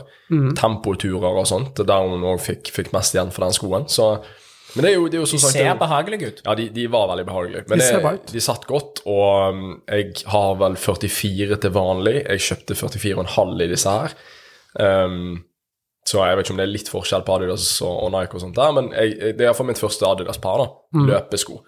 Uh, nå kan vi jo si at uh, folk er rett rundt um, Rogaland rideklubb nå. Eh, rundt et minutt bak. Ja, snart, snart ser vi Rumag-skiltet som viser hvor mange grader eh, det er. Det står 15, men husk at det egentlig er 25. Ja. Kan vi, kan vi bare gjenta, altså gjenta en gang til at nå kommer vi, etter dere er forbi alt veiarbeidet her, så kommer dere eh, gjennom en bitte liten skog, eller eh, bak en, en minivei der. Og bare gå den første bakken her. Den, den er ikke kjempelang, men gå den. Eh, få ned pulsen bitte litt. Eh, og så kan dere løpe en veldig, veldig veldig slak motbakke. Eh, bort til dere ser toppen, så er det en, en 30-40 meter igjen. Kan gjerne ta og gå over den siste kneiken der. Eh, gjør ingenting om dere løper veldig rolig opp, men da kommer dere til nedoverbakken. Oi, oi, oi, oi, oi. Det hørtes litt sånn ut som nissen kom, liksom. Hjem, gjem tyvegodset. Så ca. 1.07, ja, da er vi jo godt over halvveis. Og normalt sett så ville faktisk gjesten vår vært i mål nå på halvmaraton. Nesten, nesten, da. Ja vel. Oi, oi, oi. Velkommen. Kan du presentere deg sjøl? Bare her er din plass. Du lurte meg, så kom jeg hjem og skulle få få lunsj. og så... Her, her er jo lunsj. Sjokoringer. Jeg begynte å spise de i sted, men så kom jeg på at vi spiller inn podkast. Så det var jo å spise kjeks og spille inn podkast. Det var kanskje ikke det beste. Men velkommen. Takk. Takk. Med Torex 3-shorts. Ja, selvfølgelig. Hjertelig. Her er litt av et uh, selskap å få. Du. Å Du, oh, ja, det er jøl. Å ja, han er på jobb. Men du, vi har jo noe vi må ta opp her med deg med en gang. For, først og fremst, Sindre Jørgensen, velkommen tilbake igjen. Eh, Tusen takk. Popp inn gjest. Nå er vi kommet til Nå fikk jeg melding fra Kalle, og så han spurte hvorfor Sindre ble invitert igjen, og han ikke ble invitert. Det kom utrolig kjapt. Visste han det? Nei, det var live. det, Disse spørsmålene til Åsmund, de, de de De kommer hver episode. episode. Eh, vi kan bare oppdatere Sindre på Det at kan jeg rett før, altså. Men da fikk jeg, men da fikk jeg faktisk en melding, og det er ikke kødd. Neste gang Jon spør om du trenger nye løpesko, så svarer du bare 'because I'm worth it'. Fra Britt Eskestad. Som også har kjøpt seg nye sko og bestilt et par nye ja, Prime- Primex. Primex, ja. eh, Eh, vi kan jo eh, underrette Sindre litt her. Nå er vi kommet eh, rett forbi eh, Rogaland ri- rideklubb for de som prøver, skal prøve å komme under to timer. Eh, og noen av de er på vei til å gjerne komme rundt hjørnet og se opp eh, toppen av Hinna. Og er straks, Noen er kanskje på vei ned hit- forbi Hinna og ned mot Hinna sentrum. Så eh, nå har jo de fleste enten kommet over kneiken eller er på vei til å få en veldig lang og fin nedoverbakke, som Åsmund sa i sted. En nedoverbakke som aldri tar slutt, virker det som. Eh, så bare nyt den. Og så er det jo en ganske god, eh, strak flate etter det. Så til vår pop-up-gjest her, som er faktisk på jobb. Jeg håpte egentlig du skulle komme i liksom full uniform og Det er jo nesten. Jeg har ikke hatt meg uniform på mange år. Jeg, det. Å ja. Men uh, det, med, det er bare å hoppe rett i det. Fordi vi leste da på Strava den 19. august. ja, jeg skal bla tilbake fire den. Den var faktisk så fin at jeg måtte, jeg må, det var midt i et familieselskap. Jeg Ja, måtte, er og jeg måtte dele den med alle som satt der, selv om ingen bryr, ingen, ingen bryr seg om uh, Ja, løping. samme Og alle, alle skjønte at det her var gull. Da skal, jeg- da skal jeg lese opp her, da, for det står eh, Det er fem, eh, 500 meter. 3.08 pace. Da er det 1 minutt og 34 minutter med jogg, eller eh, rolig jogg for din del. 50 kalorier. Eh, Jobbløpetur med eh, rolig smile-latter-emoji. Eh, en mann som løper, og en politibil. Så har du lagt ved eh, et lite utsnitt av eh, en artikkel her. Mest sannsynlig Stavanger Aftenblad, sånt, der det står Sivil patrulje fra utrykningspolitiet meldte at de var i ferd med å skulle sjekke et kjøretøy, da det plutselig Du klarer aldri la være å harke. Plutselig øker farten og forsvant over en sluse. Personen i bilen sprang fra stedet, men ble innhentet av politiet etter kort tid. Melder operasjonsleder på Twitter. Så tenk å være tyv. Den var jo den var jo utelukkende til deg og Sigurd. Ja, det er fantastisk. Legendarisk. Jeg felte nesten en tåre. Ja, Jeg ble så glad. Jeg satt og bare helt sånn, det ble svett i hendene. Jeg bare Men, måtte men det beste er at bare den posten er bare så geniale. Men du ser responsen òg nedover. Så er det liksom sånn elsker sånn etter Men er det sant? tid Og så må du ha noe. De møtte feil politimann. Og så skriver Sindre tyver tåler ikke lenge i tiden på tre, uh, Tåler ikke lenge tiden i 3.0-fert. Sa til vedkommende at 45-15 er en veldig fin økt for denne type aktivitet. Men eh, da tenker jeg liksom på, på Willy Nelson. Han var jo veldig, han var veldig imponert over Lance Armstrong. Ja. Sa When I'm on drugs, I can't even find my bike. Nei, det er altså så bra, det. Men eh, nå Du kan egentlig ikke toppe det. Eneste måten du kan toppe det, er at når du går på jobb nå, så må du bare ha klar GPS må være på, sånn at neste gang så er det bare å trykke start.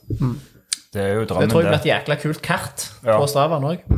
Men nå måtte du trøtte han litt mer ut. Du vurderte ikke bare når han holder på litt lenger, da. Eh, nei, altså, det var jo Altså, oppdraget var Det var en eh, Det var en som ikke har noen bil å gjøre, som kjørte en bil, og så unndro han seg kontroll, som det heter. Altså, han prøver å stikke. Så han kjørte unna den der eh, den uh, under motorveien med uh, Ullandøy skole. Så er det en sånn bussvei under der, som egentlig bare er for busser. Trangt og Ja, det er, og der. Det er vel Coop lenger. Ja, det er ikke butikk der lenger. Men uansett, kjøre under der, og så på, når du kommer ut av den tunnelen, så er det en, uh. Ei sluse. Ei sånn ei eh, sluse som får større kjøretøy. Så er det skole rett på sida òg. Så er det skoler og barnehage og alt. Men, eh, men eh, Så han kjører jo over den slusa, og det går jo bra, for så vidt. Han, men jeg tør ikke å Eller det er min kollega som kjører. Så vi kjører ikke over fordi det er stor sannsynlighet for at du ødelegger bilen. da. Ja. Fordi det er, ikke, det er beregnet for busser, Ja. og de har større avstand på akslingen enn det vi har. Så, eh, så vi stopper der, og så krasjer han jo da held- heldigvis for oss litt lenger borte, med, litt lenger borte i, i krysset der med Ullandet skole. Og da stikker det fire mann fra bilen. Og så, og så springer jeg fra der med den slusa liksom inn i tunnelen, eller på, i utgangen av tunnelen. Og så fokuserer jeg på han som kjørte bilen, for det er han vi, vi vil ha. da. Så, så sprang vi i 500 meter eller noe sånt. Og så fant bak et strømhus. Ja, hva sko Dette er grunnen til at jeg flytta fra eller Vet du hva? Var det verste var at jeg spurte han her om hva sko han hadde på seg. Men han sa at det var noe han hadde kjøpt på Wish. Så det vil si at hadde han De så på veldig bra ut. De var veldig sånn eh, Ja, de, de så eh, Jeg har aldri sett den type sko, jeg, men de så veldig sånn uh, pro ut, på en måte. Men det sto ikke noe merke eller noen ting. Så jeg, Så hvis han hadde tatt seg råd til å gå på løpelabbet og stjele eller kjøpe seg noen uh, gode sko, Så han så hadde han, så hadde han kanskje kommet unna? Iallfall kommet 50 meter lenger. Kanskje. Potensielt. Eh, ja, kanskje. Kanskje. kanskje, kanskje. Altså 4 liksom. Det, det kan jo være litt det på 500 Det meter. kan det. det, kan det. Hvordan kom du frem til 308-tempo, da? Vi snakket nettopp om det. Du kjenner det på kroppen, du. Du kjenner hva tempo det er. Ja, Det går jo fort når jeg springer bort det- der fra bilen og bort til der som jeg tror han er. Så går det jo fort. Det går sikkert fortere enn det òg, altså, men eh, det går jo fort.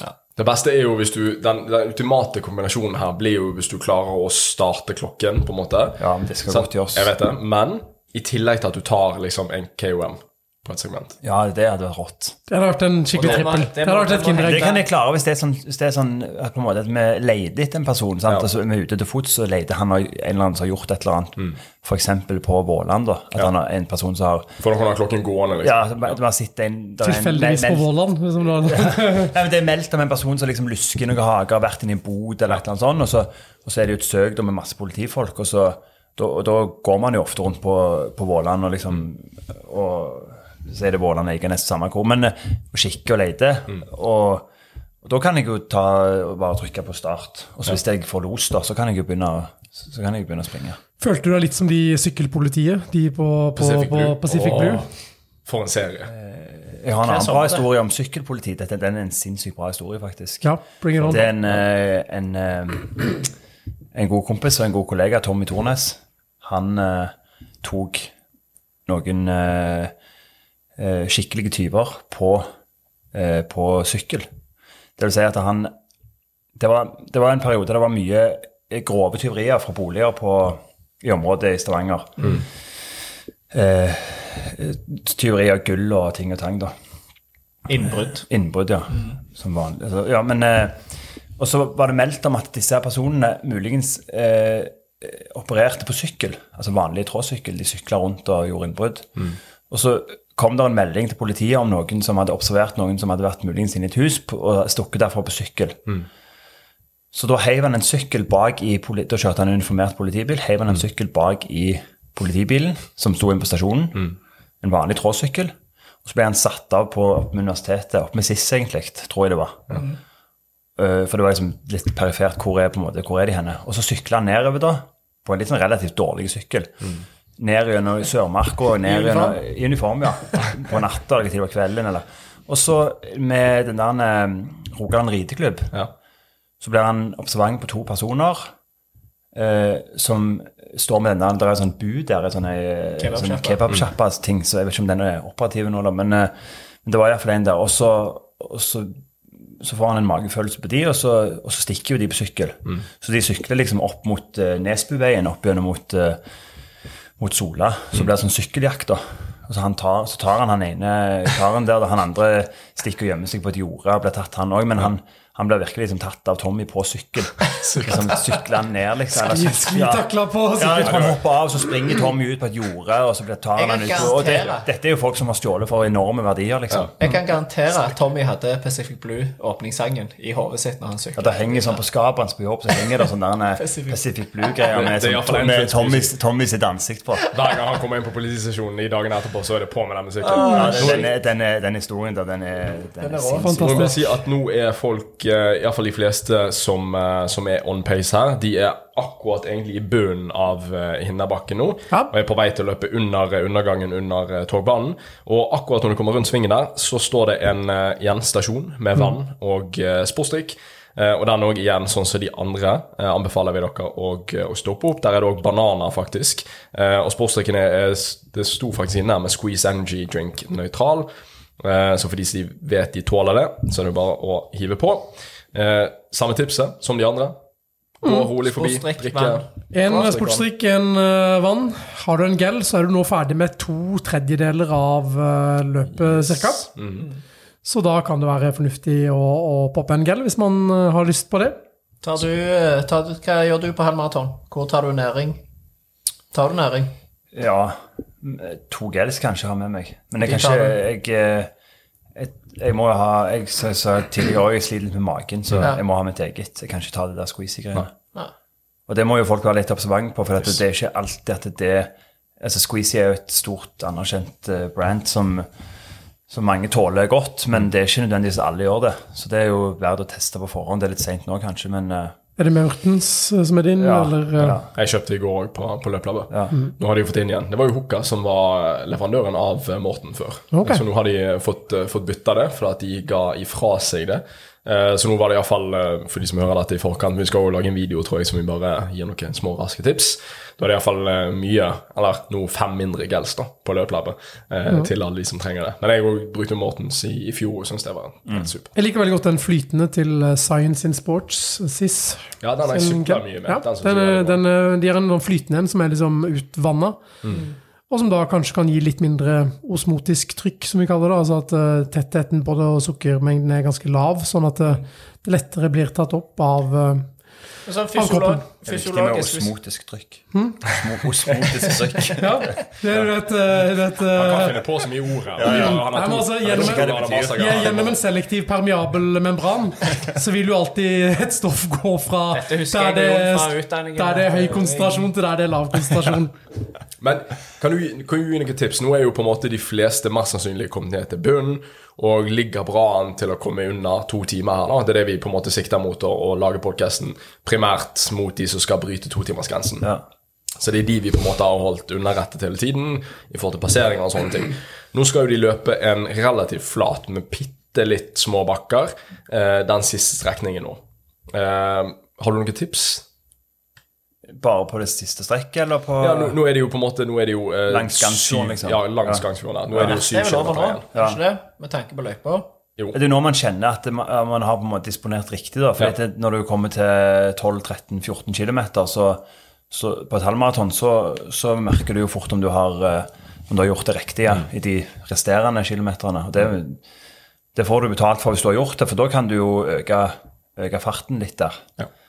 Der er det mye sånn, det er veldig sånn rullende, fint område å springe fort. God asfalt. Ofte, ofte medvind òg, faktisk. På siste strekk inn. Det er vel eh, det som er kanskje det vanskeligste på trikjørsløypen. At 14-15 kommer det en bakke som varer tre kilometer oppover. Ja, Føles i hvert fall sånn. Ja. Du eh, ja det, jo vi kjente den i fjor. relativt Ja. Hvor mange segmenn ble det? Jeg spiste ingen. Ingen, faktisk. Men vi fikk cola. Eller du fikk cola. Ja, jeg tror jeg tok cola. Eh, og det tror jeg det er her òg. Det skal være cola på den siste drikkestasjonen. Um, så neste drikkestasjon dere kommer til. Så nå står det ikke her at det skal være cola, men det var det i alle fall i fjor. Det pleier å være det. Det pleier å være det. Ja. Så Så ta det, men, eh, men ikke fokuser liksom på, på det der med, med liksom drikke og gels og alt det der siste liksom, fire kilometer. Det har ikke noe for seg sånn. Nei, de har ikke vært ute så lenge. Nei, på, men, men ellers i løpet så gjelder det jo da, da kan man godt stoppe og gå når du drikker på alle drikkestasjoner. Hvis du er- ligger an til Altså hvis det er to timer som er på en måte det du vil inn på, så, så, så bare, bare gå. Mm, helt enig. Vi har sagt, sagt det hele veien at ja. gå på drikkestasjonene det gir bare en litt sånn annen muskulær påvirkning. Det er behagelig for kroppen. Det gir mindre søl og mindre, mindre flekker på, på T-skjorta. Du løper liksom ikke heller så fort at du genererer så mye melkesyre av å liksom stoppe og så skulle begynne igjen. Nei da. Da. Det er altså, hun som eh, jeg bor med og deler lån med og alt det der, hun er jo relativt eh, Zalando-konto og eh, Salando, ja. vi deler ikke den, da. Men, Nei, okay. De har, eh, hver sin Netflix. Ja. Men uh, hun har jo pers på halvmaraton på sånn i 50, faktisk. Ja. Og, hun, og det, er jo, det er jo en god tid, det. er jo- Men hun, hun sier det at etter hun fant ut at hun kan heller stoppe opp og gå, eller nesten stoppe helt opp, så gir det mye mer i andre enden enn en faktisk å opprettholde det der 10-11-12 km i timen. Sant? For det, det er jo relativt vanskelig å drikke i den hastigheten, og du får ikke i deg så mye. Nei, jeg sleit i fjor. Jeg Pluss at, det var vanskelig. pluss at det, der, det som kommer etterpå, den neste 500 meteren etter du har på en måte drukket Mm. Vi som springer fortere, vi må jo springe og drikke, Mm. men jeg syns det er vanskelig. Jeg, det, jeg sliter i kilometerne, eller kanskje en kilometer etterpå, at jeg får sånn litt sånn vemmelig, på en måte. litt sånn. Men det er jo verre hvis du, hvis du liksom prøver å få det ned, spesielt med liksom sportsdrikken. Nå sa jo du drikk sportsdrikken først, og så vann etterpå. Um, bare for å liksom kunne skylle ut litt hvis det, hvis det er litt seigt. De blander det ganske lyst, da, tror jeg. Så jeg vet ikke hvor mye karbohydrat som egentlig er oppi. Men det er iallfall Ideelt sett så skal du ha rundt 8 okay, Ok, ja. blanding. Ja. Så, Trikset er uansett alltid å klemme igjen toppen på den eh, koppen du får. Det er ja, liksom, så det, du får minst mulig på en måte hull på toppen. ja, til å få ikke, ikke, ikke ta liksom imot den, eh, den desiliteren med vann eller sportsdrikk, og så drikk det som, som du ville gjort med middagen hjemme. Nei. Fordi da. Så det vi gjør da vi tar toppen, ofte best med papp, Mm. og det er det som regel alltid, at det er papp, så da klemmer du igjen, liksom, klemmer toppen på, på koppen, så du Mm. får en sånn bitte liten åpning, og så bare drikker du bitte, bitte litt i, i eh, de neste 300 meterne. Ja, for jeg så et sted så hadde de Det tror jeg eh, om jeg så en video av det, men de delte ut eh, poser med vann. Ja, jeg skulle til å si det, for når jeg har løpt løp i, i Afrika Det var du så som sa det, veldig ofte får man, eh, får man poser uh, med i- iskald drikke. Mm. Vanvittig greit. Så har du bare liksom og et lite hull i den, og så er det bare å, og sprøyte det inn. Mm. Men det er jo litt sånn ultrafolk og fjell, altså trail, du sitter jo her med Nike Trail, men de, de har jo de der typiske de som de har Litt i ironisk, faktisk. Ja, så jeg, har tre, jeg har tre sånne T-skjorter. Det er bare fordi de er kule. Løper kun på asfalt, liksom. Men eh, de har jo de der flaskene som de har i vesten. De der ja, myke. myke som du kan rulle sammen til en liten Så du fyller i bekken liksom på veien. Det er Så genialt. de, de er jo geniale å ha med seg. Altså, du, hvis du på en måte har noen som kan stå langs løypa og gi deg sånne, så er jo det genialt. For de, Ja. de er da jo kanskje ikke hvor mye, 3 dl i en sånn, kanskje. Du får ganske mye, ja. Ja. Mye mer enn en kopp. da kan du jo liksom. ha den i hånda og bare springe, altså ta litt og litt. Ja. Det er sikkert noen eh, som skal løpe rundt to timer, som har på seg en løpevest eller lignende òg. Så de har med seg Jeg vet mange ha. har med seg mobil enten på armen eller i en løpevest fordi de skal ha med seg den. Og, Og noen hører på podkast. ja, ikke minst. Og nå er det jo sinnssykt fint akkurat nå, for nå har de, nå har de liksom en veldig fin kystlinje, og nå får de fine strender etter hvert langs eh, sin Nå, høyre hånd når de løper inn, eh, inn mot Stavanger. nå har de fleste passert eh, mest sannsynlig 15 km, og hvis dere um, passerer under eller rundt 1.30,15 på 16 eh, km-merket som kommer om noen minutter, så ligger dere bra an til å komme under to timer. Og da var det 16 km-merket du snakka om, ikke sant? 16 km-merket på 1.30. Og den er jo ca. da ved Mariero. Eh, Da er det bare en 3-4 minutter Sindre går i mål, faktisk. Der skulle de jo ha en sånn DJ-type på Maria. Ja, ja, de skulle ha en eller annen hipp DJ med Stemmer ja. Han satt i bar, han satt i, DJ. Konsert, han satt i Definer bar hip DJ. Jeg ikke, han med langt hår eh, som satt i baris med gitar eh, i en låve, liksom. Så så ganske hipt ut, Det var, det var egentlig deg, det, når du var yngre. på en måte. Nei, han har aldri hatt langt hår. Du kan spille gitar. Du kan spille gitar, da. Ja, jeg kan det. Ja. Kan det. Kan du synge òg? Eh, ja, når jeg spiller gitar. Ja, Ja. så kan jeg. Vi må få han på et Dette, ja, dette må vi Utforske. få, få ut på video. Det er aller helst når jeg drikker, og jeg drikker jo aldri, så da, det er veldig sjelden akkurat nå. Drikke er meg- sjelden frivillig. Jon, Jon fikk sånn Han ble våt i øynene. Content, content, content. Men eh, nå er jo En jævel på Ronan Keating, for øvrig. Greit å vite. Ja, vet hva jeg skal spørre om. Eh, vanligvis så har vi jo gått gjennom episodene og spurt om folk eh, kan være så snill å gå inn og gi oss eh, fem stjerner på Spotify. Eh, det skal vi ikke be dere gjøre akkurat nå. Eh, hvis dere har så lav puls at dere klarer det, så, så hadde det vært ganske gøy. Men det er noe dere kan gjøre i etterkant av dette her. Men nå har vi faktisk, jeg tror vi har spurt tre eller fire ganger da, om folk kan gjøre det. Eh, og det, vi er jo oppe i 85 femstjerner eller noe sånt. Det har vært jæklig gøy å tippe 100 nå Stavanger Maraton helgen. Eh, så for de som jeg, jeg tror jo egentlig dette kan være en episode som folk hører bare sånn For å høre hva i alle dager er disse her finner på, uansett. Jeg tror nok de fleste kan komme gjennom den her med relativt grei underholdning. Vi har jo snakket 3% 4 om løypen, og resten er eh, det vanlige prater, Fullt med mye på kanten morsomme vitser fra Åsmund. Men ingenting som er blitt strøket ennå. Ingenting som blir strøket ennå. Eh, det jeg sa jo det, Sindre, men jeg, er jo, eh, jeg kan ikke klippe ut noen av den episoden. Nei. For dette det kødder jo til Klokka liksom går. hele tids, ja, klokken går jo. Så jeg har måttet sett på Åsmund av og til. Liksom. Du kan pipe ting ut. Nå er vi kommet til liksom et sted i løypa der man må begynne, nå bør man begynne å jobbe litt grann mentalt. Nå må du Altså, det, det, er nå man, eh, det er når man begynner å synes at det er litt tungt, og det er når man begynner å telle ned kilometer, det er når man begynner å, å tenke løpt halvannen time. Ja, altså, nå, nå begynner iallfall jeg å tenke Hva du skal ha på Strava. Det begynner jeg å tenke. Yes. Og så begynner jeg å tenke hvorfor gjør jeg det her, og hvorfor i all verden betaler jeg penger for å gjøre dette her? Heldigvis glemmer jeg det veldig fort når jeg kommer til mål. Men øh, Og så tenker jeg Hvis noen hadde stått der med bil og kjørt meg hjem der borte, så hadde jeg satt meg i bilen og kjørt hjem, kan jeg tenke. Et lenge Men- blikk på alle de her elsparkesyklene. Ja, det, det er ikke minst det. Men øh, Sindre, hva tenker du? Eh, du er jo en løper som pusher ganske hardt, både på halvmaraton og, og maraton. Hvilke mentale strategier har du som gjør at du eh, holder ut eh, de siste, siste tredjedelen? Nå er det rett over fem kilometer igjen for, for de fleste som skal rundt to timer. Jeg pleier å ta sånn kjente distanser, sånn at eh, når jeg har åtte kilometer igjen, så vet jeg at det er, nå, tenker jeg, nå skal jeg en runde Stokkevann, liksom. Perfekt. Ja, okay, cool. det, det er fint. Og så hvis jeg, hvis jeg er på 16, da, så er det, så er det jo da fem kilometer. Så da tenker jeg at ok, jeg har sprunget én runde rundt Mosvannet nå, så er det bare liksom, så er det ikke én runde engang rundt Mosvannet, så jeg er i mål. Så ta sånn eh, Ja. Og så når jeg starter halvmaratonet, så, tenker jeg, så prøver jeg alltid å tenke at dette er 20 km. Jeg skal springe 20 km, tenker jeg i starten.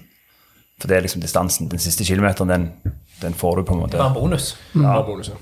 Så det, det kan være litt sånn greit hvis du trener for eksempel rundt Stokkelandsvann, eller trener rundt uh, Hålandsvannet, Stå- Mosvannet, Stokkavannet, så kan du bruke de distansene til å mm. stykke, opp, stykke opp løpet. da. Jeg, jeg pleier alltid å regne, begynner liksom å lage noen mattestykker på hva jeg må passere på for at det skal. Og det, og når man er sliten, så er jo eh, så er ikke alltid at det funker like bra, for av og til får man noen helt syke tall. uh, og, det, og det er gjort oh, jeg trenger tre par med sko. Tolv? men, par, ja. men det, det, det, og det har man faktisk testa. hvis man tar noen på en intensiv intervall, på, altså et fullt drag på sykkel, Mm. der de går til utmattelse, og så ber du de regne matteoppgaver Mm. eh, to-tre minutter etterpå, så presterer de mye dårligere enn hvis de gjør det i motsatt eh, rekkefølge. Man blir dårlig til å regne, og det Det gjorde lærerne meg på skolen òg, men de satte meg ikke på sykkelen og sånt først, men de fikk samme resultater. Stemmer. men, men, men ja, eh, det å regne sånn tid og sånn, og det å sammenligne distanser, det liker jeg jo veldig godt å gjøre. Og så når, det er tre kilometer igjen, da tenker jeg jo alltid siden eh, eh, så å si sidis. Nei, da tenker jeg nå er det bare Mosvann igjen. Og Mosvannet, det klarer man alltid. Man klarer alltid en runde rundt mot gjør Ja, Ja. Og den er jo fem kilometer for oss hvis vi begynner borte eh, hos deg, rundt DNB Arena. Men hvis du løper bare rundt Svanen, så er det tre kilometer, og det er liksom så alltid så oppnåelig. ikke sant? Da tenker jeg, Nå er det bare bort til Mosvangen, og så er det litt til, og så Ja, det går an å dele opp Mosvangen òg. Ja. Så deler du opp, så hvis du er liksom vant med å starte med campingen, så kan du på en måte Nå er det liksom én kilometer, da har jeg sprunget bort til, til Andedammen der cirka, og så Ja. Jeg liker jo å bryte ned eh, Hvis du vet du har en kilometer igjen, så liker jeg å bruke tid. At du har sånn cirka, Mm. i hvert fall når du vet hva tempo du skal løpe på. Og så bryter du ned tiden igjen i mindre stykker. Bare 30 sekunder. Nå har jo, nå har, 30 sekunder til, og så går jo tiden dritfort. ja, for nå har jo folk passert tre fjerdedeler av løpet sitt her Ja, eh, igjen hvis du går for to timer. Så det betyr at vi har under halvtimen igjen, faktisk. Nå har dere, dere har hørt på oss Altså, dere har taklet å høre på oss i halvannen time. Og sikkert mange andre episoder òg. Da er det ingen tvil om at dere takler de siste 30, kil- 30, 30 minuttene her med 30 løping. kilometerne. 30, ja, vi skal lage en sånn episode. Oh, jeg stemmer det. Jeg tror det var 24 timer siden, men, Men det, akkurat, det med sånn, eh, sånn uh, tider og liksom hvordan man forholder seg til hva tid man skal passere den, den kilometeren, det er ganske digg når du er fartsholder, for da har jeg sånn bånd rundt armen Ja. med sånn uh, kilometer 1, 2, 3 helt til 21, og så står det liksom hva jeg skal passere hver eneste kilometer på. Så kan jeg gi beskjeder til de som ligger i rygg, hva, hvor langt foran man ligger.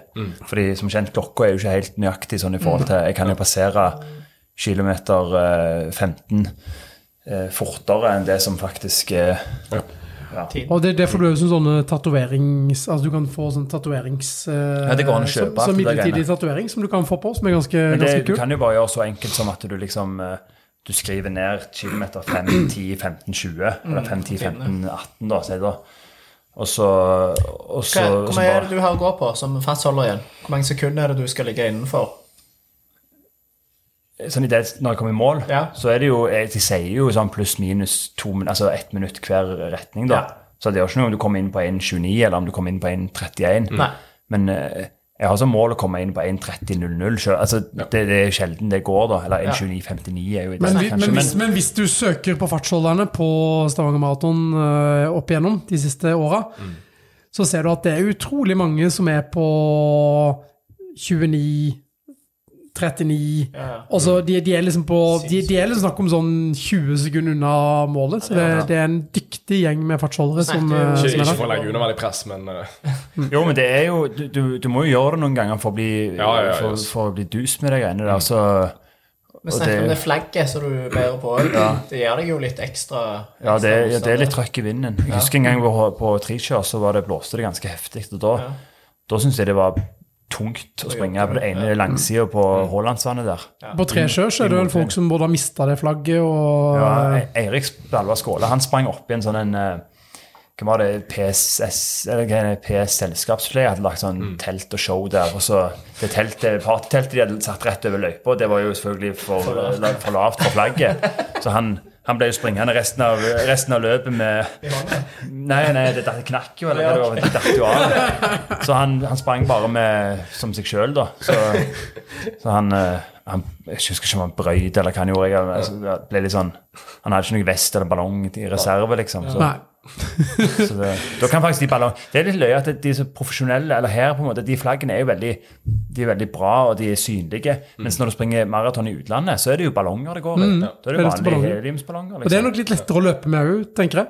Ja. Ja. Hvor lange liner er det på deg? Altså, for det, du, da har du jo gjerne tusenvis av folk bak deg som Ja, ja. for samme mål. Altså. Ja, ofte halvannen meter. Det er ikke så veldig langt, liksom, men så har de ofte flere da, på store maraton. Så har de ofte flere firetimersballonger osv., så videre, sånn at du, eh, de er fordelt litt, eh, litt utover. Det kunne jeg faktisk tenkt meg på Stavanger halvmaraton og trikjør, så at det var to fartsholdere kanskje på 1,30. Sånn, ja. For det ble, ansvar ble jo kanskje at Du føler litt på ansvaret etter hvert. Og så er det sånn Hadde vært greit å sparre med. på en halv maraton, tror dere? Tror det er 40. Det er 40, ja, I45-gjengen er jo eller, altså Rundt der er det jo veldig mange som ligger. Ja. Ja. Vi kom jo i fjor på tre kjør, så lå vi litt bak. Vi hentet jo inn ekstremt mange. Vi, vi begynte jo, så vi hentet jo inn Hentet vi inn 1,40, egentlig? Jeg kom jo på 1,42, men vi begynte jo såpass langt bak. Jeg lurer på om vi løp forbi 1,40, eller i alle fall 1,45, da. Mm, jeg er det. Ja. Men den, den følelsen av å liksom løpe forbi folk, den, den er er- Men sånn, hvis man da ikke løper med en fartsholder, men da bare har satt en tid for seg sjøl, så man sier jo det at man skal prøve å ha en eh, negativ splitt, i hvert fall når man løper maraton. Altså at man løper fortere siste bit av siste halvdel av løpet. På en halvmaraton så tenker jeg det kanskje ikke er så viktig, at man heller kan ha heller kanskje ha en ganske helt jevn fart. Og så er det noe med det å sette et mål som du har litt grann å gå på, sånn at du hele tiden føler at du har Altså du kan se på klokka, så har du kanskje ett minutt foran, 40 sekunder foran, 50 sekunder foran. Hvis- At du føler at du ligger litt grann foran skjema. Hvis- Det er en ganske digg følelse. ja, Hvis du nå har passert 17 km, så er du on pace til 1,59 blank. Yes, bare så vi nevner det. Nærmer oss eh, Hillevåg på 18 km med ny, eh, ny drikkestasjon. Nå begynner det å nærme seg, altså. Nå er ikke det Var det siste drikkestasjon, det, eller var det Det er vel siste drikkestasjon, ja. Ja. Nå sa vi jo også, Sigurd sa så fint at eh, selv om vi lager denne her på rett rundt to timer, og til de som skal fullføre på to timer, så for de da som skal løpe fire timer på maraton, så får bare høre den to ganger. Ja. Genial. Eller høre en av de andre episodene som vi har med, med Sindre, blant annet. Du vil at jeg skal høre de med Kalle òg, sant? Eller Jeg, jeg fikk faktisk melding fra Ja, Kalle. gjorde du det? Jeg gjorde det, det er ikke kødd engang. Jeg skal snappe Kalle nå. Jeg har allerede sendt han, sendt han bilde av det. Jeg skal snappe, jeg skal snappe han. Tror faktisk han er, han er ute og løper. Men nå er det jo iallfall å bli eh, å, Altså, nå begynner det å gjøre litt vondt, mest sannsynlig, og du begynner å merke at okay, det er ikke så kjempelenge igjen. Nå er det greit å ta hodet sitt vekk litt og begynne å Ok, hva gøye titler skal jeg ha? Hva, hva skal jeg ta bilde av for å liksom ha på Strava? Altså, jeg tror det merker, jeg merker det for veldig mange, at det akkurat den prosessen der tar ganske lang tid, Ja. og er veldig gøy. Altså, det er veldig motiverende mange turer, og liksom ok Og så stjeler det minutter. Det stjeler tid. Veldig mye Det er bare én ting du har lov å skrive vet du, på Strava etter løp. Det er regler for sånn. Lette bein. Nei, du må skrive Stavanger halvmaraton, og så, og så mellomrom, bindestrek, mellomrom, tid. Så kan du skrive hva du vil under i det der med kommentarfeltet. Ok, du kan skrive hva du vil under. I dag var en dritdag. sant? La, la, la, Masse oppsummering. Jeg får Det kan du skrive så lang historie du vil. Det kan være morsomt å gjøre alt. Skrive oppsummering av hele løpet. Men Strava-politiet. hvis, du hvis du skal springe hva som helst løp, Sandnes-løp eller hva det er, da Siddesløpet, siddesløpet, bindestrek, tid. Mellomrom, bindestrek, mellomrom, tid. Ja, ja. Kunne vi fått enten en podcast-episode og muligheten til å lage en PDF med disse Strava-reglene? Ja, ja, vi kan lage en eh, Men, men Sindre, altså, jeg, jeg følger jo litt med, på, litt med på Strava, og jeg ser jo at det er ikke alltid at uh, reglene dine blir godt tatt imot. Nei, nei, nei, jeg så det på en jeg var, Jeg og Sindre vi eh, Jeg har observert at det er ikke alltid at det liksom uh... Jeg var ute og krangla på noe sånn uh, ellipselogging, sånn løping. Så det, jeg måtte bare jeg måtte gi meg der før jeg Altså, jeg og Sindre er jo Vi har et årlig julebord hvor Sindre har jobben som eh, Du er Toastmaster, konferansier. Ja, men du er regel Du er Ja, han som har har. Han har skrevet egne regler for julebordet. Der, er- hvor mange år har det vært nå? Snart 20? Eh, ja, det har vel kanskje vært i 15 år, Ja, 16 år, kanskje. Og han er da eh, mannen som har skrevet reglene for eh, hva som gjør deg eh, De er skrevet på sånn gammelnorsk, sånn fra Norges lover eh, anno Hva som gjør at du ikke får lov å være med i julebordet lenger, eller hva som gjør at du får lov å være med i julebordet, Men, og hva da- som innfører straff, og hva som ikke er straffbart, osv. Kanskje Sindre kunne sendt oss dette dokumentet om angående Strava-reglene, sånn at vi Ja, kunne, så vi kunne fått han, vi kan, kunne- la- han kan lage Stravas ti bud, eller noe Ja. sånt. Vi kan jo lage, vi kan jo google det, se om noen faktisk det er andre sånne Men jeg tenker, vi kan jo gå gjennom de mest selvfølgelige. Ok, Det er ikke lov å logge Jeg tror ikke det er mange andre Strava-politier som faktisk er politi. da Nei, det kan kan skrive nå, nei. Ja, men altså, Vi har det jo på, vi har det på tape, da, så Ja, det det, det holder, det. Stemmer det. 1.39. Det, det er grønt den skal lyse, den der rekk-knappen, ikke sant? Ikke begynn. Å, fy søren.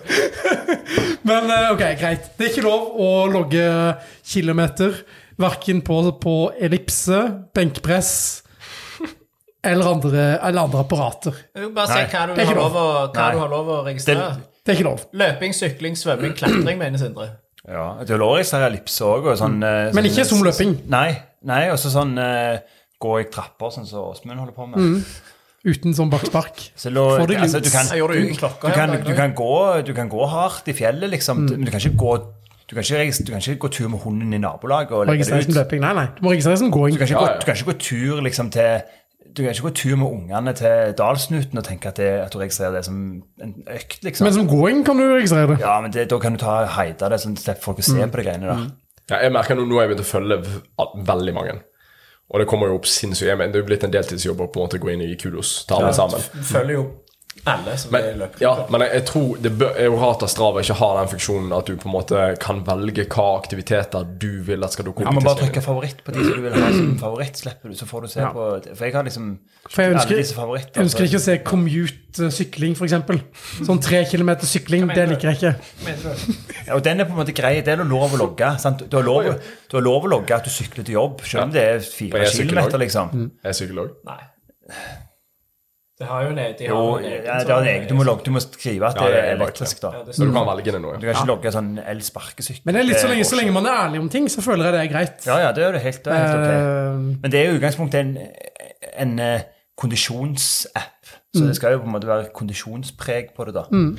Det er det jo på all trening sånn sett, men, men det bør jo på en måte det bør, ligge- det bør, Majoriteten bør ligge på løping, sykling. hvilken, feil er det, hvilken feil er det folk flest gjør? Um, Kan, man- kan man si en ting? Nå, nå tror jeg eh, Nå har de jo faktisk passert den siste drikkestasjonen. Uh, for nå er vi kommet på 1,41. Uh, og da er vi faktisk rundt 18 km, så da har folk forhåpentligvis òg stoppet og gått og fått i seg næring på den siste stasjonen der, og er klar for de siste tre pluss 100 meterne. Mosvann, ja. Eh, nå er det Mosvann igjen. Nå er det faktisk det igjen. Ja. Deilig. Nå har dere, nå har dere 18-19 minutter igjen. Eh, forhåpentligvis bitte litt mindre. Eh, nå er det i alle fall eh, Hvis dere fortsetter å høre på oss, så bør jo tiden gå fort. Forhåpentligvis. Vi er jo kjempemorsomme. Men jeg tenker, altså når vi først har autoriteten på, på, på Strava her eh, så er det veldig mange som holder på med sånn eh, tredemøllekorrigering. Ja, og det, det har jeg sjøl gjort. Fordi at eh, nå har jeg jo Det har jeg lagt merke til. Ja, fordi at det, det er fordi at jeg bruker Strava som der jeg måler antall kilometer. Ja. Så da har jeg korrigert på, på kilometer når jeg løper mølla. Ja, sånn. det, det har jeg gjort. Altså, jeg har lagt en økt, og så har den dukket opp som ni kilometer, og så er reelle tolv. da. Så har jeg lagt på de tre. Men nå har jeg, jeg er så heldig at, det, at det Sigurd lærte meg det der med kalibreringstallet på striden. At jeg kan øke det når jeg springer på lamellmølla. Så nå får jeg jo ganske nøyaktig Striden opp på 104 på lamellmølla, så er det, 104,2 har jeg ja, det, liksom. så er det, så er det bra stemning. Ja. Jeg har jeg har jo tredemøllefunksjon, så jeg har jo en tendens til å velge Ja, det har jeg òg. Hastighet, ja. Men Det er litt styrete. Ja, du kan velge sånn, ja. Ja, det kan du. Ja, men jeg kan bare velge 0,5 og så hel, da. Så Ja. jeg, jeg, jeg løper enten på liksom 10 eller 10,5, 11, 11,5. Så litt sånn, litt sånn styrete. Men, eh, men jeg, den er jeg enig med. Den er grei, syns Ja. jeg. Den må, jo, den må jo være Ja, det er bare lov å korrigere sånn. Det kan du bare gjøre. For du, altså, Ja, er det aktivitet? Men hvis man glemmer klokka da og er ute og løper Så kan du legge det inn som manuelt. Det er lov. Jeg Hvis tenker, du fanger tyver. Ja, men jeg tenker, jeg tenker flere grunner så det Det må jo være en, Altså det må jo være lov, for du skal jo kunne se totalbelastning. Og for de som logger på sko, sånn som jeg gjør, så er det greit å ha liksom totalmengde med kilometer på sko. Men er Nå skal du komme med et eller annet. Nei, nå bare kom jeg på det. Er det, var, er det du eller uh, Tom Erik som hadde ringt hjem til noen som, uh, mente, som mistenkte de for å sykle et, sykle et løpssegment på Strava? Nei, det er ikke meg, i hvert fall. det er sikkert Tom Erik. Han Det det. Òg forbanner seg på det greiene der. Oh, det er Det er ei som heter Dagny Flesjå. Hun har forandret meg alle segmentene i hele byen. hun. Ja, det, der er det, der er det mye Men la oss si at du er på Sola, da, så glemmer du å skru av eh, klokka. Og så har noen vippsa deg 200 kroner til taxi. Og så glemmer du, og så får du det med på turen. Hva gjør du da? Ja, Da må du bare Kropper det ut? kropp- Kroppe det ut. Greit. Har du fått sånn rekordkilometer på 59 sekunder? Jeg husker faktisk, jeg tror det var Lasse Ile. Han la ut eh, en eh, løpetur hvor han hadde et sinnssykt tempo siste halvdel. Ja, jeg husker det. Da måtte jeg spørre han rett ut hva, hva skjedde der. Han bare Nei, han tok ride hjem. Ja. Da tok, tok sparkesykkelen hjem siden det ble for varmt. Eh, nå vil jeg bare si at nå folk eh, rett rundt svingen med Stavanger Motorbåtforening er på vei til å løpe forbi 19 km-punktet. Eh, nå, hvis du skal klare å komme under eh, to timer, så må du passere på rett rundt 1.47,10. Eh, så det er to minutter til. når må du passere forbi 17 kil... Nei, 18 19 Herregud, 19 km-merket. Merker at vi har spilt inn podkast ganske lenge. Ganske lenge. Eh, og jeg har lyst på 24 timers er spennende. Ja. Jeg ville gjort om vi skulle sette et eh, For de som løper ultra eller 24, 24 timers løp. Altså vi lager en podcast for å underholde de i 24 timer. Ja. Men jeg tror faktisk det er ingen som har liksom AirPods som eh, kan vare så lenge uansett. Så Nei, du må bytte. Man må liksom eh, Du må ha liksom Ja. Ja. Man har med seg ladestasjon. Jeg tror dette blir et veldig snevert publikum. Jeg tror det er et veldig lite marked. Ja. Så, men uansett, nå er det Nå, er det, eh, nå har du gjort en tredjedel av Mosvannet, eh, mest sannsynlig, og har bare to tredjedeler av Mosvannet igjen. Mm. Du har faktisk to kilometer igjen, mest sannsynlig. Rett rundt hjørnet i så fall. Til å ha to kilometer igjen. Men til du er ferdig med Stavanger halvmaraton. Og som Sindre sier, egentlig har du bare én kilometer igjen. For siste kilometeren, da er bare flyter du ned, og da begynner Da det å bli masse på- folk. Da er du på toppen òg, Ja. liksom. Oppe ja. med Det er politistasjonen. hva er det, 700-800 meter igjen når du er på toppen? Her, ikke? jeg husker ikke, men det er noe Ja, cirka, det sånn. cirka det. Og, Ja. da, og da er det jo bare liksom inn i parken, altså inn med Breiavannet. Da er det da er det masse folk som ser på, masse folk som heier. Nå eh, vet jeg at folk ikke er like heldige som jeg var i fjor, for på slutten av den strekningen med eh, havnen der, for min del i fjor, så når du selvfølgelig hadde eh, Sorry, måtte stoppe å spy. Så sto iallfall Kalle Mæland Nilsen, får jo hylle han litt, da. Han sto som redningen, en reddende engel på slutten der og bærte meg opp liksom disse to små bakkene som folk skal forbi, før du kommer inn til sentrum. Og nå driver Sigurd og gjør seg klar, for han skal på jobb. Så Men vi nærmer oss iallfall. Dere har under 15 minutter igjen av løpet. Dere har gjort 1 time og 45 minutter med smerte eh, med å høre på oss, men òg løpet, som mest sannsynlig har gått veldig bra fram til nå. Og nå er det bare å pushe de siste minuttene fram til dere er i mål. Og for de som løper da helmaraton, hvis det er noen som er gal nok til å høre på denne her podcasten to ganger, så er dere snart halvveis. Og fire timer. vi, vi jobber med å liksom lage en sånn liten liste med, med kjendiser som løper maraton i Stavanger. Uh, og har du noen du kan tilføye der? Altså Vi har vært innom eh, September When. Uh, Morten Abel. eh, Han løpt. ja, de løpt New York Maraton. Jeg vet ikke, Uh, jeg treffer ofte han Jan O. Ottesen ute på joggetur når jeg springer rundt Mosvannet. Jeg vet ikke om han har- sprunget noe, noe løp, men han trener jo ja, jevnt og trutt. ja. Rune Bjerga. Ja, han springer han springer Randabergfjellet opp. Ja, han er ganske god til å løpe. Ja, han er flink. Ja. Ja. Og så har vi eh, Ole Alexander Mæland fra Ja. Stavanger-kameratene. Ja. Kanskje han Fredvang òg? Kanskje han springer? Nei. Ja, jeg tror kanskje Kjartan Salvesen også har begynt å, Ja, løpe. Ja. Lurer jeg på. Er det flere? Er det noen kjente politikere, bortsett fra Kalle Mæland Nilsen? Nei, er det det? Jeg er jo ikke sånn På politikersiden så er det jo ekstremt lavt nivå på alt som har med fysisk jo aktivitet å sprunget gjøre. noe løp. Ja, men hun har akkurat uh, fått en, har fått en unge, har hun ikke det? Hun kan jo med, neste år, kanskje, utfordre ordføreren til å springe Men hvis det er noen av lytterne våre som, eh, som vet om noen, eh, noen kjendiser som løper, så vil vi gjerne, vil vi gjerne høre fra dere. Ja.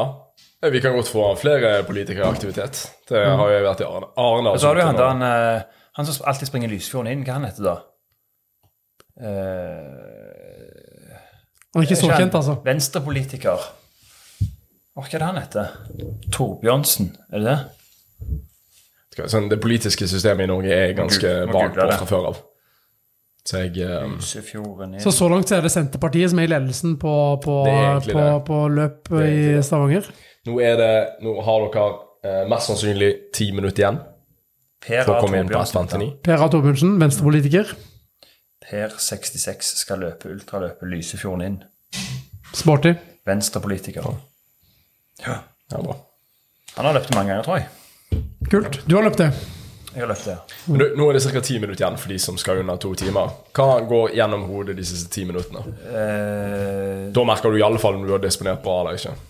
Ja, og så får du jo den der bakken der eh, på slutten. Så den er jo litt sånn Den er jo litt kjip, egentlig. Sånn. Ja. Men, du, du, der, men, men det er jo, nå handler det jo bare om å Om å gleden av å komme seg til mål, egentlig. Så, For nå har ikke du noe du må betale tilbake igjen i etterkant. egentlig sånn, Nå kan du pådra deg litt melkesyre, nå kan du få litt vondt. Ja. For nå skal du på en måte, det er bare et par minutter igjen når du kommer bort til den bakken, så du skal pine deg gjennom eventuelt. ja, det må man, da må man skikkelig bite i og tåle. Og, Mm. og man skal ikke gå opp den bakken, det skal springes. Der skal det springes. Ja. Gjør som Jon og griner med øynene nå. Smiler med munnen og griner med øynene. Ja, du kall litt ut noen bilder av meg på toppen av bakken. Det var ikke de mest eh, flatterende bildene som ble, tatt av meg. Det, Nå, fikk, nå fikk jeg snap av Kalle, forresten. det så ut som jeg var på slutten av et maraton, for, for å si det sånn. Eh, Og det var jo. Men jeg tenker med, med ti minutter igjen, da er man jo Nå har man jo klart det. Så nå er det egentlig bare hvor mye man ønsker å pushe seg. Og så er det jo sånn at eh, nå kan man gønne på, komme under to timer. Men la oss si at man ikke greier det. Hvis du blir tatt igjen av fartsholderen om to timer Ja, opp den bakken, ja. da, da må man bite seg fast. Skal man bare henge seg på, da. Ja, da, ja, Bit ja, fast for alt det er verdt. da er det, hvis, hvis fartsholderen om to timer kom tar deg igjen akkurat liksom, opp den paradisbakken, så må du bare henge på. Men jeg, jeg vet jo hvor du vil. For at hvis du ikke du kommer under to timer, og du kommer på 2.01 eller 2.05, eller hva det måtte være, Så er det spiller bare- ingen rolle. Ingenting har skjedd. Så er det bare å trene litt til, og så tar du under to timer på Tre sjøers i november. Yes. Ingenting har skjedd. Ingen skade skjedd. Det er fortsatt en fantastisk opplevelse. Vær stolt over at du har gjennomført et uh, halvmaraton, og at du er et steg nærmere å komme opp på maratondistansen òg, som jeg merker at flere og flere ønsker å, å komme opp og utfordre og teste seg sjøl på. Men Sindre, når vi først har, eh, har eh, Norges raskeste politimann her eh, Faktisk, tror jeg det er nest raskest. Nest raskeste? Frode Stenberg er den som heter han er raske. Ok. Raskere enn det? Ja, jeg tror kanskje det er et par til, altså, men Ok, greit. Ja, da må de være lokale. Altså, hvis de ikke er på Strava, så teller det ikke. Ja, Lokale tror jeg ikke det er så mange, men sånn eh, nasjonale Kunne vi fått til et liksom eh, Rogalands eh, raskeste politi? Jeg vet at brannvesenet de er veldig flinke til å ha sånn VM i brannvesen. har sånn årlig sånn Stokkevann rundt. Til, har det? Ja, ja, det har jeg sett rett etter, rett etter maraton. Ja, det var det Ja, jeg stemmer det. Ja, stemmer stemmer. det. Men hva er ditt, eh, hva er ditt neste, neste mål nå? Eh, Frankfurt. Frankfurt? Maraton. Maraton? Ja. Jeg vil bare si lykke til de Tusen siste takk. åtte minuttene til de som løper. Ja? Dere skal bare være i huset mitt. Så eh. Jon skal faktisk eh, lage middag til familien min i dag. Og så skal Åsmund hente ungene. Så dette tror jeg blir veldig bra. Altså, katt, kattene sa jeg måtte komme hjem, faktisk. Ja, ok. Nei, men eh, Veldig kjekk episode til nå. Lykke til videre til de som løper. Kjekt dere hører på. Og Nå passerer de faktisk de fleste må kunne passere noe på Kom på jobb, du. jeg skal Ja, det. jobb. Snakkes. Snakk Sigurd. Snakkes. Ha det. Så nå Husk hvordan. Ja, bare hå... Ja, jeg skal ikke Ja. Eh, men nå er de, er de på toppen av den bakken og ser over, eh, over broen der og ser på den siste bitte lille kneiken før de skal ned mot Stavanger sentrum. Eh, nå har de eh, 1.52,49 er passeringen på, på toppen her. Så de er rett rundt der, og da har dere fortsatt mulighet til å komme inn på 1.59. Da er de faktisk et minutt før. Eh, da har de, har de litt å gå på, men nå eh, tror jeg de aller fleste løper sin, sin raskeste kilometer fra 20 km-merket og inn. Og da er det faktisk bare ikke være redd for å få melkesyre. Bit dere fast. Gi gass. No pain, no, No gain. pain. No pain. Ja. Ja. No pex, no sex. No guts, no glory. Alt det der. Jeg lurer på om folk smiler nå, uansett hvor god vitsen Nei, jeg tror ikke det, altså. Nå, nå, tror jeg det, Nå er det, nå jeg det er gått over til irritasjon, men da må, da må, man, da må man bare bruke den irritasjonen Yes, til å presse seg fremover. ja. Jeg er veldig imponert hvis vi får høre at noen har hørt gjennom på måte, altså hørt på oss gjennom hele maratonet sitt, eller halvmaratonet sitt. For hver gang vi får en melding fra, eller hver gang noen på Strava skriver eh, 'rolig løpetur', eh, podkasten lavterskel på, Yes. på, på øret, så får vi en screenshot i gruppa. eh, Ja, det er veldig stas. Og eh, ja, vi liker det. Så det er for de som nå eh, er på vei til å løpe nedover bakken og kommer til nå komme i mål eh, straks, enten de kommer rett under eller rett over to eh, timer, eller generelt sett for alle dere som hører på mens dere løper Stavanger halv eller hel eller fem kilometer, ta og tagg oss gjerne på Strava. Ja, Men hva, hva skal man gjøre etter løpet, da? Når man kommer inn uh, med tidenes vondeste bein og, uh, og en kropp som uh, holder på å falle sammen etter å ha gjort noe som man bare, ikke er vant til. Hva skal man gjøre? Bare sitte litt liksom på brosteinen hvis det er fint vær. Så bare sitte litt der, og så er det jo litt sånn bananer og ting og tang som du kan ta for deg. Så det må du jo få i deg litt næring relativt raskt. Og så er det jo eh, Hvis du har anledning, så er det jo, eh, så er det jo godt med en øl eller noe sånt. Det, og det er gjort en, gjort en studie på, på eh, det å løpe med øl som tørstedrikk i varmen, og det å løpe med vann. Og det viste at de som fikk øl, holdt ut lengre enn de som eh, drakk vann. Simen Holvik han driver jo også og forsker på de greiene der. Han sprang jo Egersund, Stavanger kun på øl, var det det? Mm. Stoppa med sånne små plasser og Så istedenfor Bear Mile, så er det Bear Ultra, faktisk. Det er 100 kilometer. Ja. Én øl per kilometer? Nei. Nei, han drakk ganske mye øl. da, Stoppet. Folk kom ut på busstopp, og så satte han seg ned på busstopp, og så drakk han en øl, og så sprang han videre. Altså. Ja, og nei, Sigurd snakket jo om et eller annet sånn vinløp nede i Frankrike. Med dere. Med dere, er det det? Ja, jeg tror GTI arrangerer vel uh, tur dit nå i år, tror jeg. Ja, okay. Ja. Og da drikker man jo vin på, på drikkestasjonene. Og i Paris maraton så er det vel eh, champagne eller eh, vin på siste, siste drikkestasjon, tror jeg. Men nå har dere under fem minutter igjen, så nå er det faktisk bare til å gire opp og, og løpe de raskeste meterne dere har løpt så langt i dag. Eh, og komme dere inn i mål og få roet ned og bli stolt og ha gjennomført Og nå er det sånn, Da gjør det litt vondt, men det gjør ingenting, for det går over. Det går over. Så nå er det bare til å gi gass. Men nå tror jeg dere skal få runde av. Yes, Så det skal jeg skal gå ut og være på, jobb. Nydelig. Lunsjen er over. Lunsjen er over. Husk eh, GPS-klokka, og eh, takk for at du var med oss. Ja, Tusen takk for at du kom innom. Jeg har en toåring i dag. En som, en som fyller to år hjemme. Altså. Dag det- nice. Gratulerer med dag dagen, fest. Takk. Gratulerer. Takk, takk, takk. takk. Stor stas. Nydelig. Takk for at jeg fikk komme igjen. Tusen takk for at du kom innom. Ha det bra. Ha det bra. Ja, da har vi faktisk eh, Det er fire minutter igjen til, vi, eh, til dere har hørt på oss i to timer.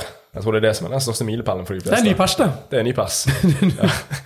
Da er det, det er ikke lenge til 24-timerspersen eh, kommer. Vi tar jo ganske store økninger når vi først, først gjør noe. Men kan jo, når vi nærmer oss nå avslutningen, så er det jo ja, hva, hva syns du da for de som gjennomfører på, på to timer? Er liksom å, å kunne gjennomføre et fulldistansemaraton iallfall neste år en realitet? Ja, altså, man kan jo det. Altså, Klarer man en eh, halvmaraton på to timer, så vil man jo kunne fint trene seg opp til eh, neste års eh, fullmaraton på Stavanger Maraton. Som for øvrig er en kjempefin løype. Det er jo den løypa dere har løpt nå i dag, og i tillegg en runde rundt Tresjøørsløypa. Ja. Kjempefin, kjempefin tur.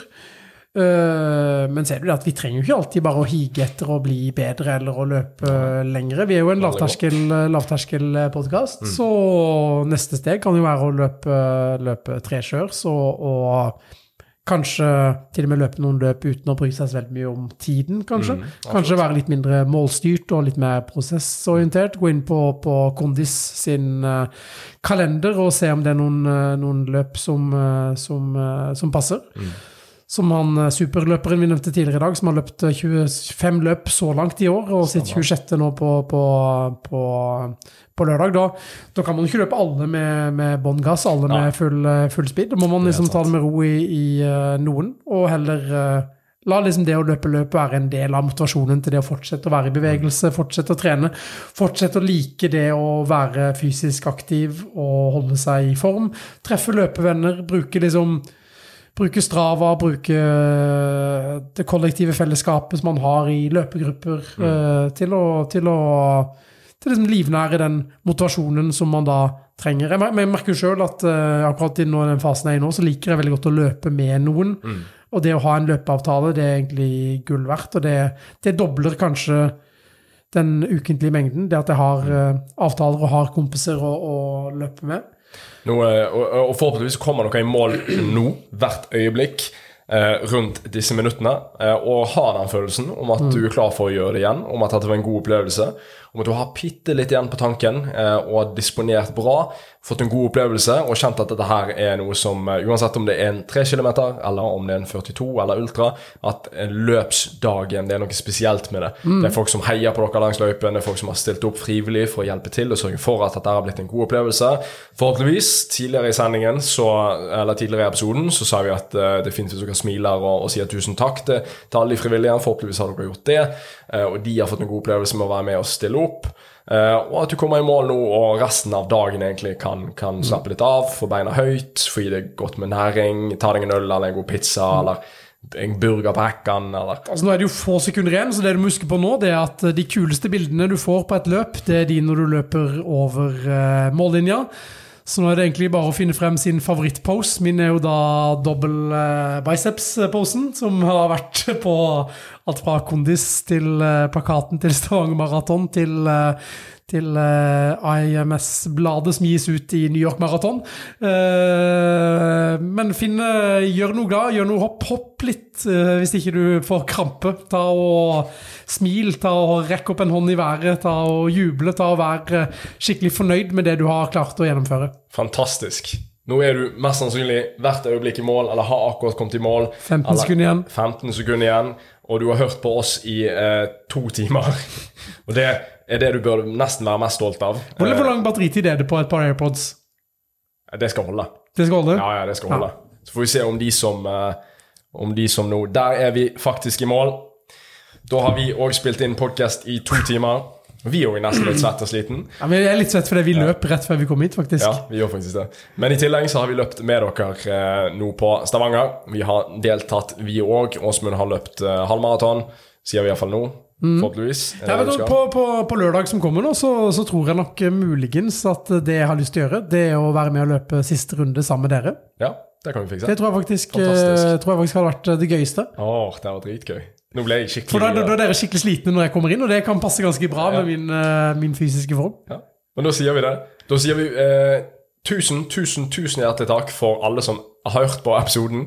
Enten dere gidder å ha hørt hele veien gjennom, så er det eh, vanvittig, og det sier mye. Send oss veldig gjerne tilbakemeldinger. Gi oss fem stjerner på Spotify eh, og på Apple Podcast. Eh, anbefale oss til andre, det setter vi enormt stor pris på. Eh, og tusen takk for at dere hørte på igjen, enten dere er ute på løpetur, på en vanlig treningstur, har løpt maraton, halvmaraton, hva det måtte være. Og er du ikke i mål ennå, så gjør det ingenting. Kos deg siste biten. eh, Yes. Smil, ta det med ro hvis du er sliten. Mm. Pass, på å, pass på å holde humøret oppe. Yes. Og bare nyt siste bit av en stor prestasjon, uansett hvilken tid du løper på. Smil, for du har faktisk muligheten til å løpe. Sett pris på det. Tusen takk for at du hørte på. Så høres vi i neste episode. Bra jobba i dag. Bra jobba.